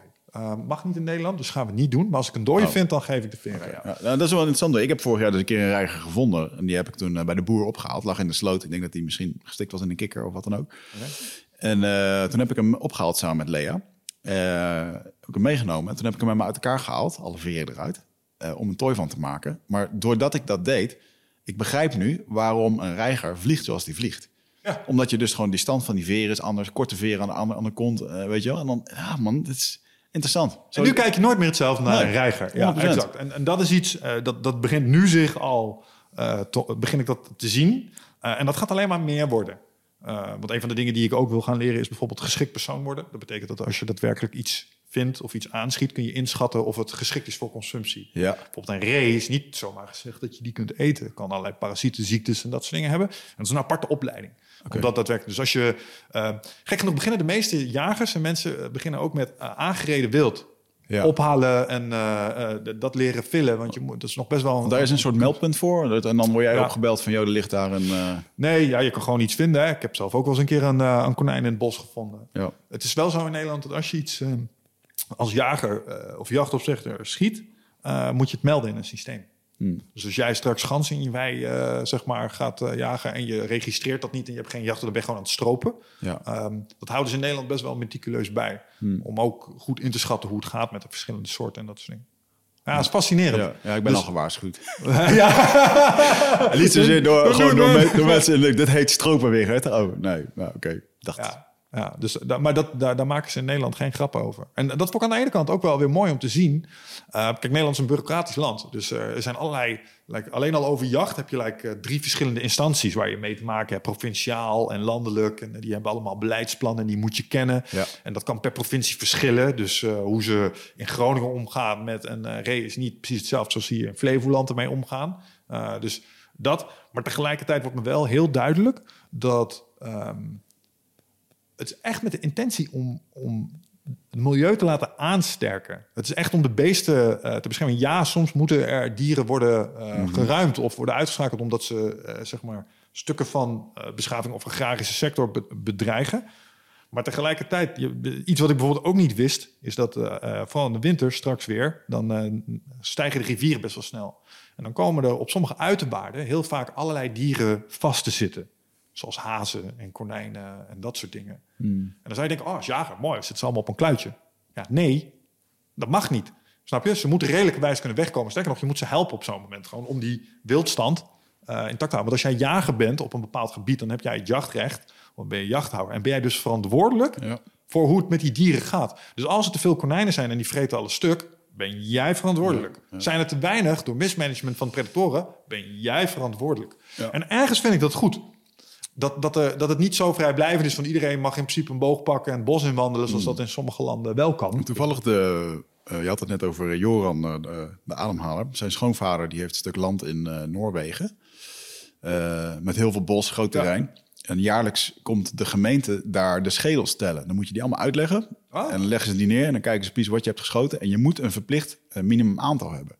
Ik ben nu bezig om een huis te kopen in Italië, eh, waar ook een stuk bos bij zit. Of er zijn er ook heel veel bossen. Ja. En Italië heeft de grootste jagersdichtheid van Europa. Ik heb al zitten kijken of dat ik daar dan kan jagen en zo. Of dat dat dan mag. Ehm, en er is, een, er is gewoon een overvloed aan beesten daar, weet je. En, en dat moet wel, want anders dan wordt het gewoon een... eh, er, komt een, er is altijd één soort de sterkste en die gaat een overhand krijgen. Dus als wij dat een soort van willen... eh, als je dat in de, in de... Ja, als je dat een soort van Ja. wil controleren, dan moet je wat. Ja. Interessant. Ja, dat is fascinerend. Nou, ik zou het niet per, definitie in Italië leren, want ik vind het sowieso nu al een pittige opleiding. Nee, Ehm, je mag ook niet. Je moet vanuit Nederland en dan zou je daar. Dus maar dus even toekomstperspectief. maar het lijkt me wel leuk om door die Alpen heen te lopen en dan daar een beetje rond te sluipen. En eh, er zit een gro- wat grote gedachtegoed achter, is dat ik iemand ken die daar een heel stuk, groot stuk bos gaat kopen. En eh, dan hoop ik dat ik dan uiteindelijk. eh, maar goed, uiteindelijk is het ook helemaal niet logisch, want ik ga daar niet wonen en ik kan dat helemaal niet dagelijks doen of zo. Maar ik vond het een leuk gedachtegoed om misschien mee te gaan of zo. Of, Ja, en het is ook iets, eh, de, als je er één keer aan begint, het is bijvoorbeeld, je moet het jaarlijks moet je het opnieuw doen. Ja. Dus als je één keer je jachtakte hebt, moet je elk jaar moet je opnieuw voor je schietbuffet, eh, voor, je, eh, voor je theorie. Ja, in Nederland vinden ze vuurwapens dermate spannend, Ja. juridisch gezien, dat je elk jaar daar weer iets voor moet. Bijvoorbeeld, als je met valken wil jagen, dat kan ook. Valkenjacht is ook gewoon een ding. Dan hoeft dat niet. Dat is eens per vier jaar. ah, geen vuurwapen bij betrokken. So I kind of get it. Maar even los van het feit dat je een kluis moet aanleggen in je huis en dat soort dingen. Je kan niet zomaar je Nee, buks naast de deur zetten. Nou, dan kan ik, kan ik misschien beter gewoon twee keer per jaar met jou meegaan voor die high van het jagen, weet je wel. Want ik ga dat toch niet eh, doen. Ja. Ja, dus, ehm, ja, dat, dus dat is een van de tofste cadeaus eh, die ik mezelf heb gegeven. Maar het is tegelijkertijd ook weer een, eh, een shitload aan werk. En een van de eerste dingen die ik to- toen de planning zag van... het is eigenlijk dit voorjaar al examen doen. Wanneer ben je, ben, dan ben je jager? Ja, doe je, ik, ik, ik ga het gewoon over twee jaar heen uittrekken. Mhm. Dus ik, ik schrijf me, ik ga dit jaar ga ik hem gewoon doorlopen. Ik doe, ik doe de examens, ik doe mijn schieten. Maar als ik volgend jaar nog een keer moet inschrijven, vind ik dat helemaal niet Ja. erg. Want het is echt heel veel. Ik zou helemaal ziek gaan op zo'n maken. Van die, zou ik echt zo'n custom-made rifle uit. Met zo'n mooie kolf die helemaal gegraveerd is. Dat zou ik dan helemaal. Van, van zelfgeschoten ivoor. Wal, wal, walnotenhout, ja inderdaad. Ivoren. Ja, ze hebben hier, bij, eh, hier in de buurt hebben ze een schietbaan, Dorthoutmees. ja. Is een hagelbaan. ja, ik ben laatst met het eindbazenteam daar wezen uh, kleiden uitschieten. Maar toen moest jij een podcast opnemen. Als ik een podcast opnemen. Dus het is wel weer duidelijk hoe hier de hazen lopen. Nou, nee, maar daar hebben ze dus een gun store. En eh, ja, dat is, eh, ik weet niet wat dat is. Dat is hetzelfde als toen we bij de EOD in die kamer binnenliepen. Ze Ja. deden die lamp aan. Tjoem, tjoem, tjoem, met allemaal van die rijen met wapenkasten, zeg maar. Ja. Ja, dat heeft toch iets fascinerends. Ik kan, Ja, is ik kan het niet helpen. Nou, volgens mij hebben ze daar van die Beretta. Ze hebben een Beretta-licentie volgens mij. Van die Italiaanse nou, Beretta. Wat heb je van die pistolen waren vroeger populair in ons oorlog? Vroeger liep... eh, ik, ik ken de naam volgens mij van Commando. De Beretta. De Daar- Beretta. Werd volgens mij had uh, Ja. Schwarzenegger had een Dat was vet shit. Wapens, jongens. Dat blijft mooi. Ja. Mooi. Oké. Hey, ehm, ik moet zo meteen weg, jongen. Want ik moet naar een volgende ding. Podcast. Ehm, maar ehm, eh, nog één ding over het 12 Waves verhaal. Je hebt nu een nieuw boek geschreven. eh, maar er is ook een ander boek uitgekomen. Een werkboek. Oh, ja, dat is misschien nog wel even grappig om te vertellen. Ja. Als je het hebt over gewoon je tijd nemen voor dingen. Ehm, ik had in het eerste boek had ik een, eh, een referentie opgenomen naar het toverboek. Het toverboek is het werkboek. eh, wat we mensen altijd geven aan het begin van een training. Geef ik een blanco boek, zo'n boek waar jij het er net over had. Zo'n mooi ogend ding. Zeg ik, dit is je toverboek. Alles wat, hier, wat je hierin schrijft, dat komt uit. Dus pas op met wat je erin opschrijft. Ehm, en dat richtte ik dan aan het begin van de training telkens in. Hier zit je actielijst neer, daar staat je masterlist, daar staat je roadmap, daar staat je lootlist, et cetera, et cetera, et cetera. Maar daar was ik altijd wel een half uurtje per training mee bezig. En eh, als ik maar vier uur op een dag heb, dan... eh nou, je kent mijn trainingen, die zijn best wel action-packed. Dus eh, ik kon me daar zelf een half uur besparen.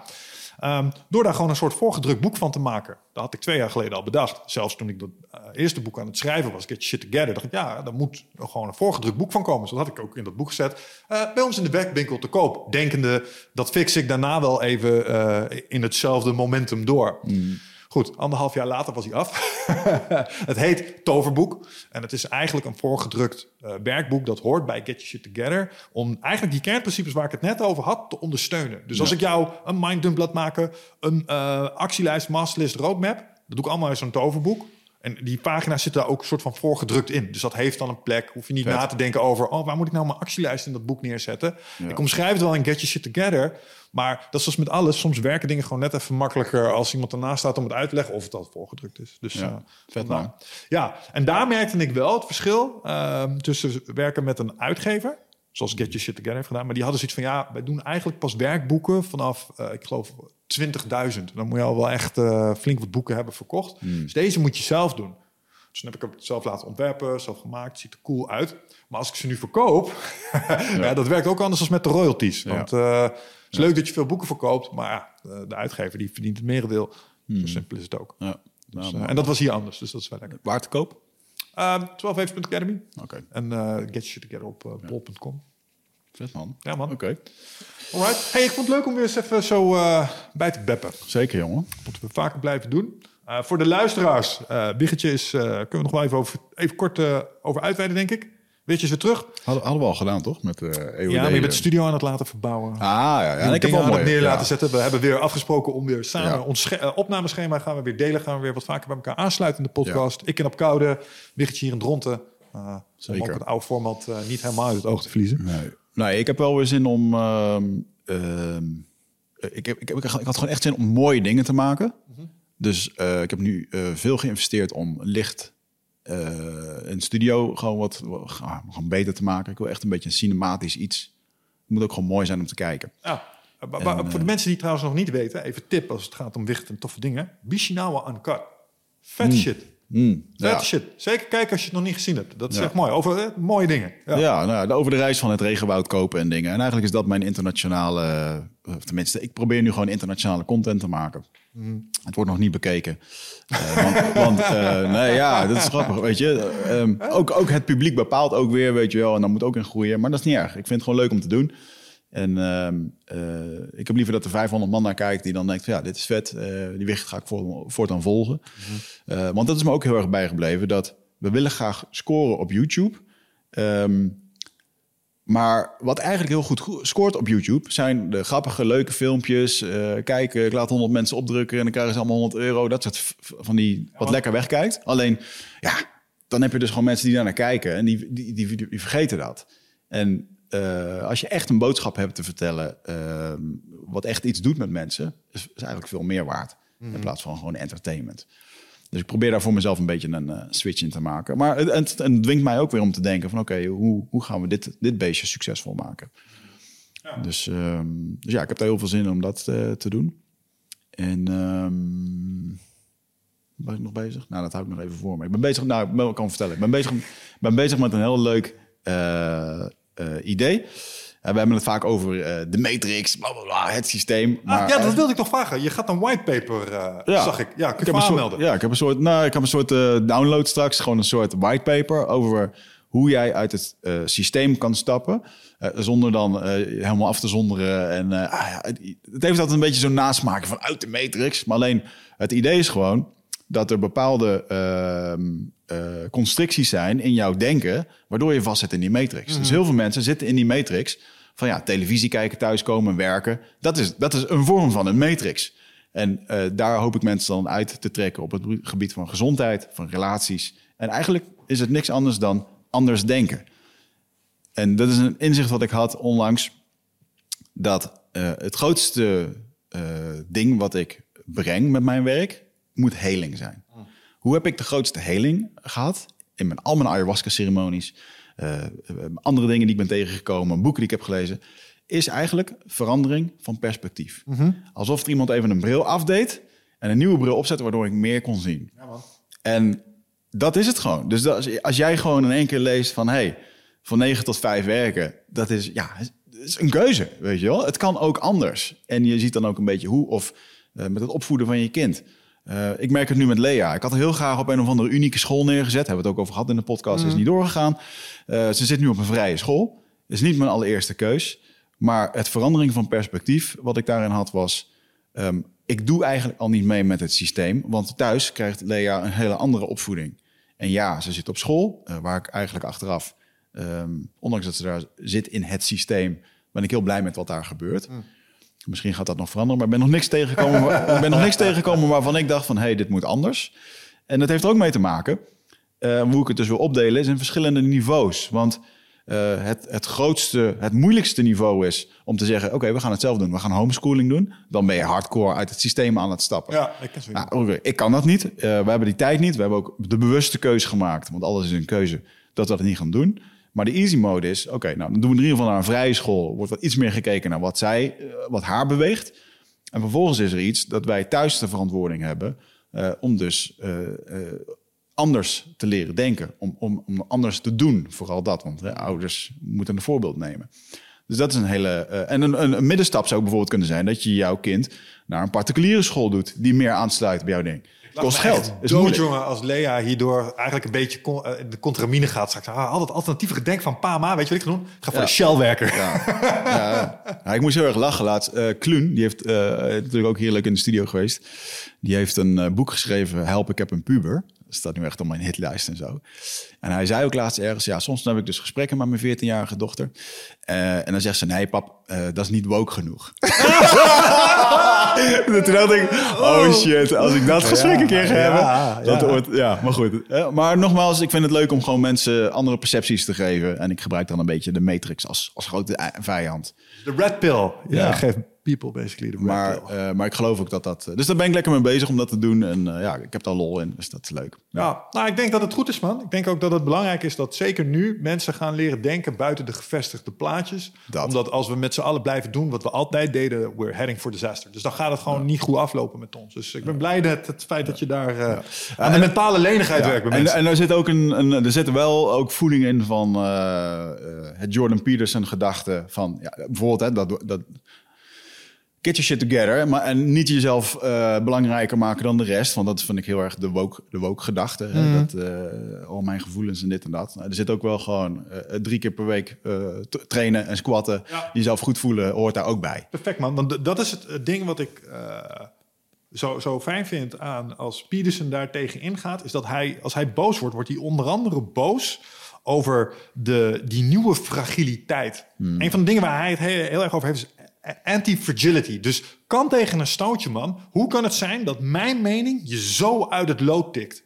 Ja. Als, als, als wat ik denk jou zoveel pijn en ellende geeft, dan ben je in principe kapot.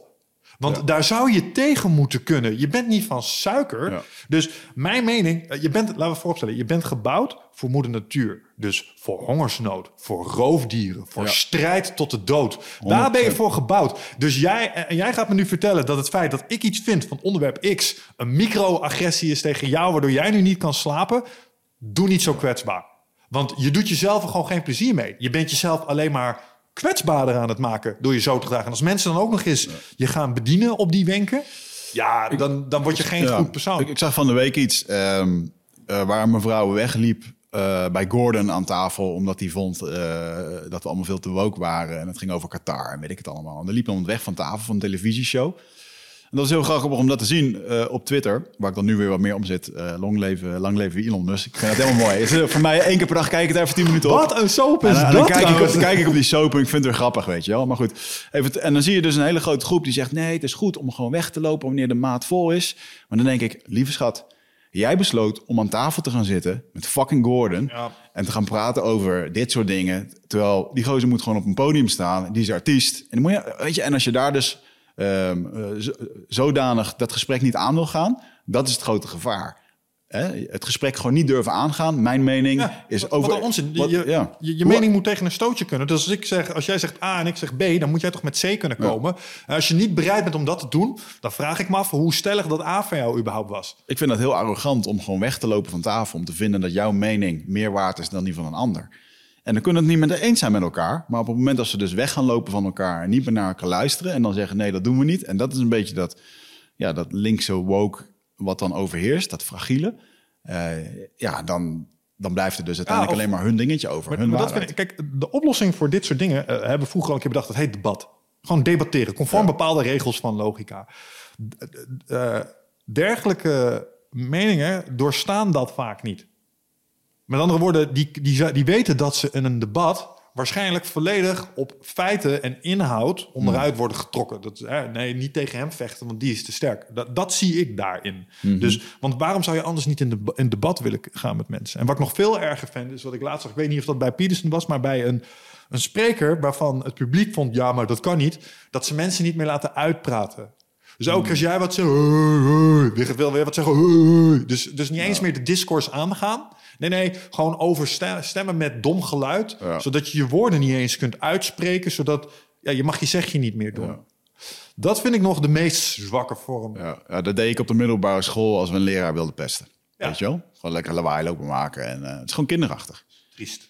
En, eh, en ik vraag me dan ook heel erg af van, eh, oké, ook die activisten die je nu ziet met zichzelf vastplakken. En ik, ik snap dat ze een geluid willen maken. Alleen ik denk dat er andere manieren zijn eh, om dat geluid kenbaar te maken. En, en ik, ergens is het ook wel weer nodig, want het, het heeft een bepaalde rug. Hè, je moet een bepaalde rugbaarheid ergens aan geven. Ehm, en ik snap dat een e-mailtje schrijven of een online blog over hoe erg het gaat met de wereld lang niet zoveel nieuws haalt als je zelf vastplakken aan een eeuwenoud schilderij. Alleen dan denk ik, ja, dat eeuwenoude schilderij. Dit is maar kijk- vervelend, weet je. Dit wordt vervelend voor, ook voor andere mensen. Kijk naar het effect. Ja, Kijk naar wat is je doel? Je doel is eh, sympathie kweken voor je doel. ja. Doe dit. Wat is de, eh, de reactie unaniem van iedereen die het ziet? Ja, gaan we Je hebt zojuist je doel een stap achteruit geholpen. Ja. Want, want, oh, daar heb je weer zo'n klima klimaatsfiguur. Die, oh, zo'n zo iemand die schilderijen ondergooit met tomatensoep. Dat is nu zojuist de indruk die je hebt gewekt. En ik heb ook een heleboel mensen gesproken, zoals Marnix, zoals Chai, die er allemaal zijn geweest. En die zitten niet zo in de wedstrijd en die willen gewoon constructief werken. Ja, maar die hebben daar nu ook last van. Ja. Dus hou ja. op. Ja, dat is inderdaad. Ja. Ik moet heel erg lachen van die gozer die zichzelf vast... eh, in Nederland had je toch? Dat hij zichzelf vastlijmde aan de tafel.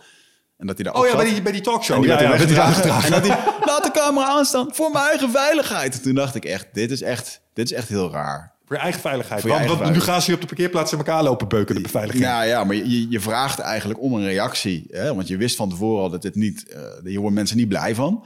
En dan vervolgens ben je ook nog eh, een soort van bang dat jou wat wordt aangedaan. Omdat je, ben je een soort van zielig omdat je nu op die tafel vastgeplakt zit... en dat ze je nu wat gaan aandoen. Straks laten ze verdwijnen, jongen. En, gebeurt eh, wel vaker in Nederland. Echt, eh, ja, ja, weet je.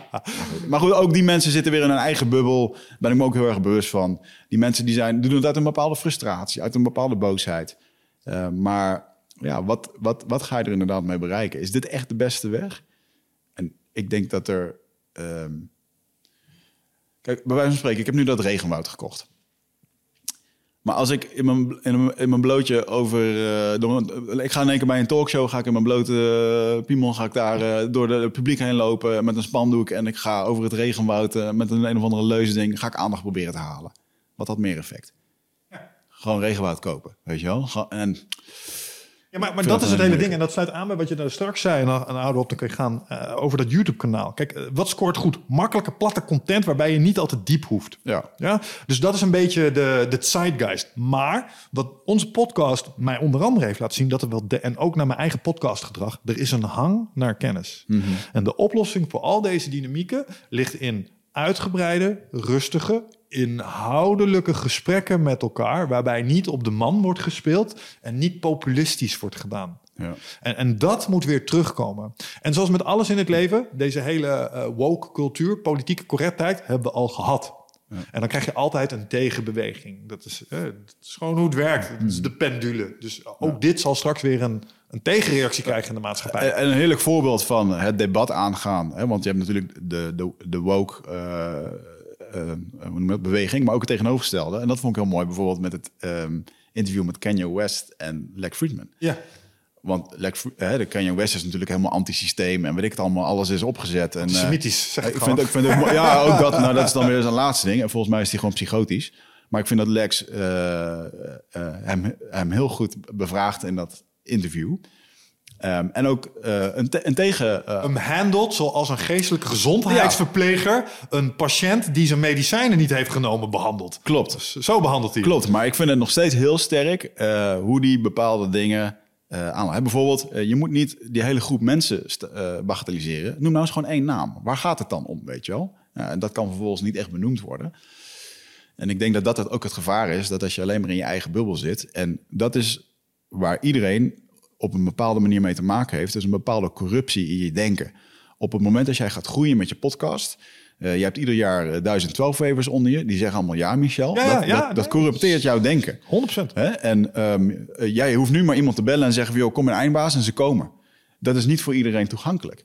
En wat denk je van zo'n Kanye West? Met, met miljoenen op de bankrekening, alleen maar ja-knikkers om zich heen. ik denk 9 van de 10 keer mensen die alleen maar beter van hem willen worden.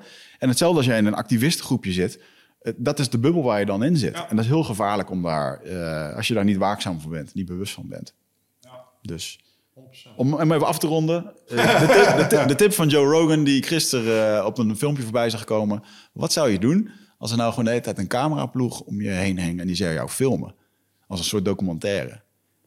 Nou ja, dat is inderdaad. Dan zit er in één keer... Een, Andere dingen doen. Ja, een hele andere soort druk. 100% andere dingen. Zou je allemaal dingen doen waarvan je zou denken dat de mensen die er thuis naar zouden kijken het kicken zouden vinden. En weet je wat vaak is? Het zijn niet dingen die je nu doet. Nee, nee, nee, zeker niet. En zeker als je daar een mooi, een mooi verhaal van wil maken. ehm, ja, dan, eh, dan horen dat soort eh, rebelse dingen er niet bij. Dan moet je daar boven staan, denk ik. Maar goed, Ja. dat is mijn mening. Ja, fascinerend man. Oké, I got a dash. Dus, Alright, ehm, thanks dat je langzaam volgende keer zitten we weer bij jou. zeker. Your place for mine. Luisteraars, dankjewel voor het luisteren en tot de volgende. Tot de volgende. Ciao.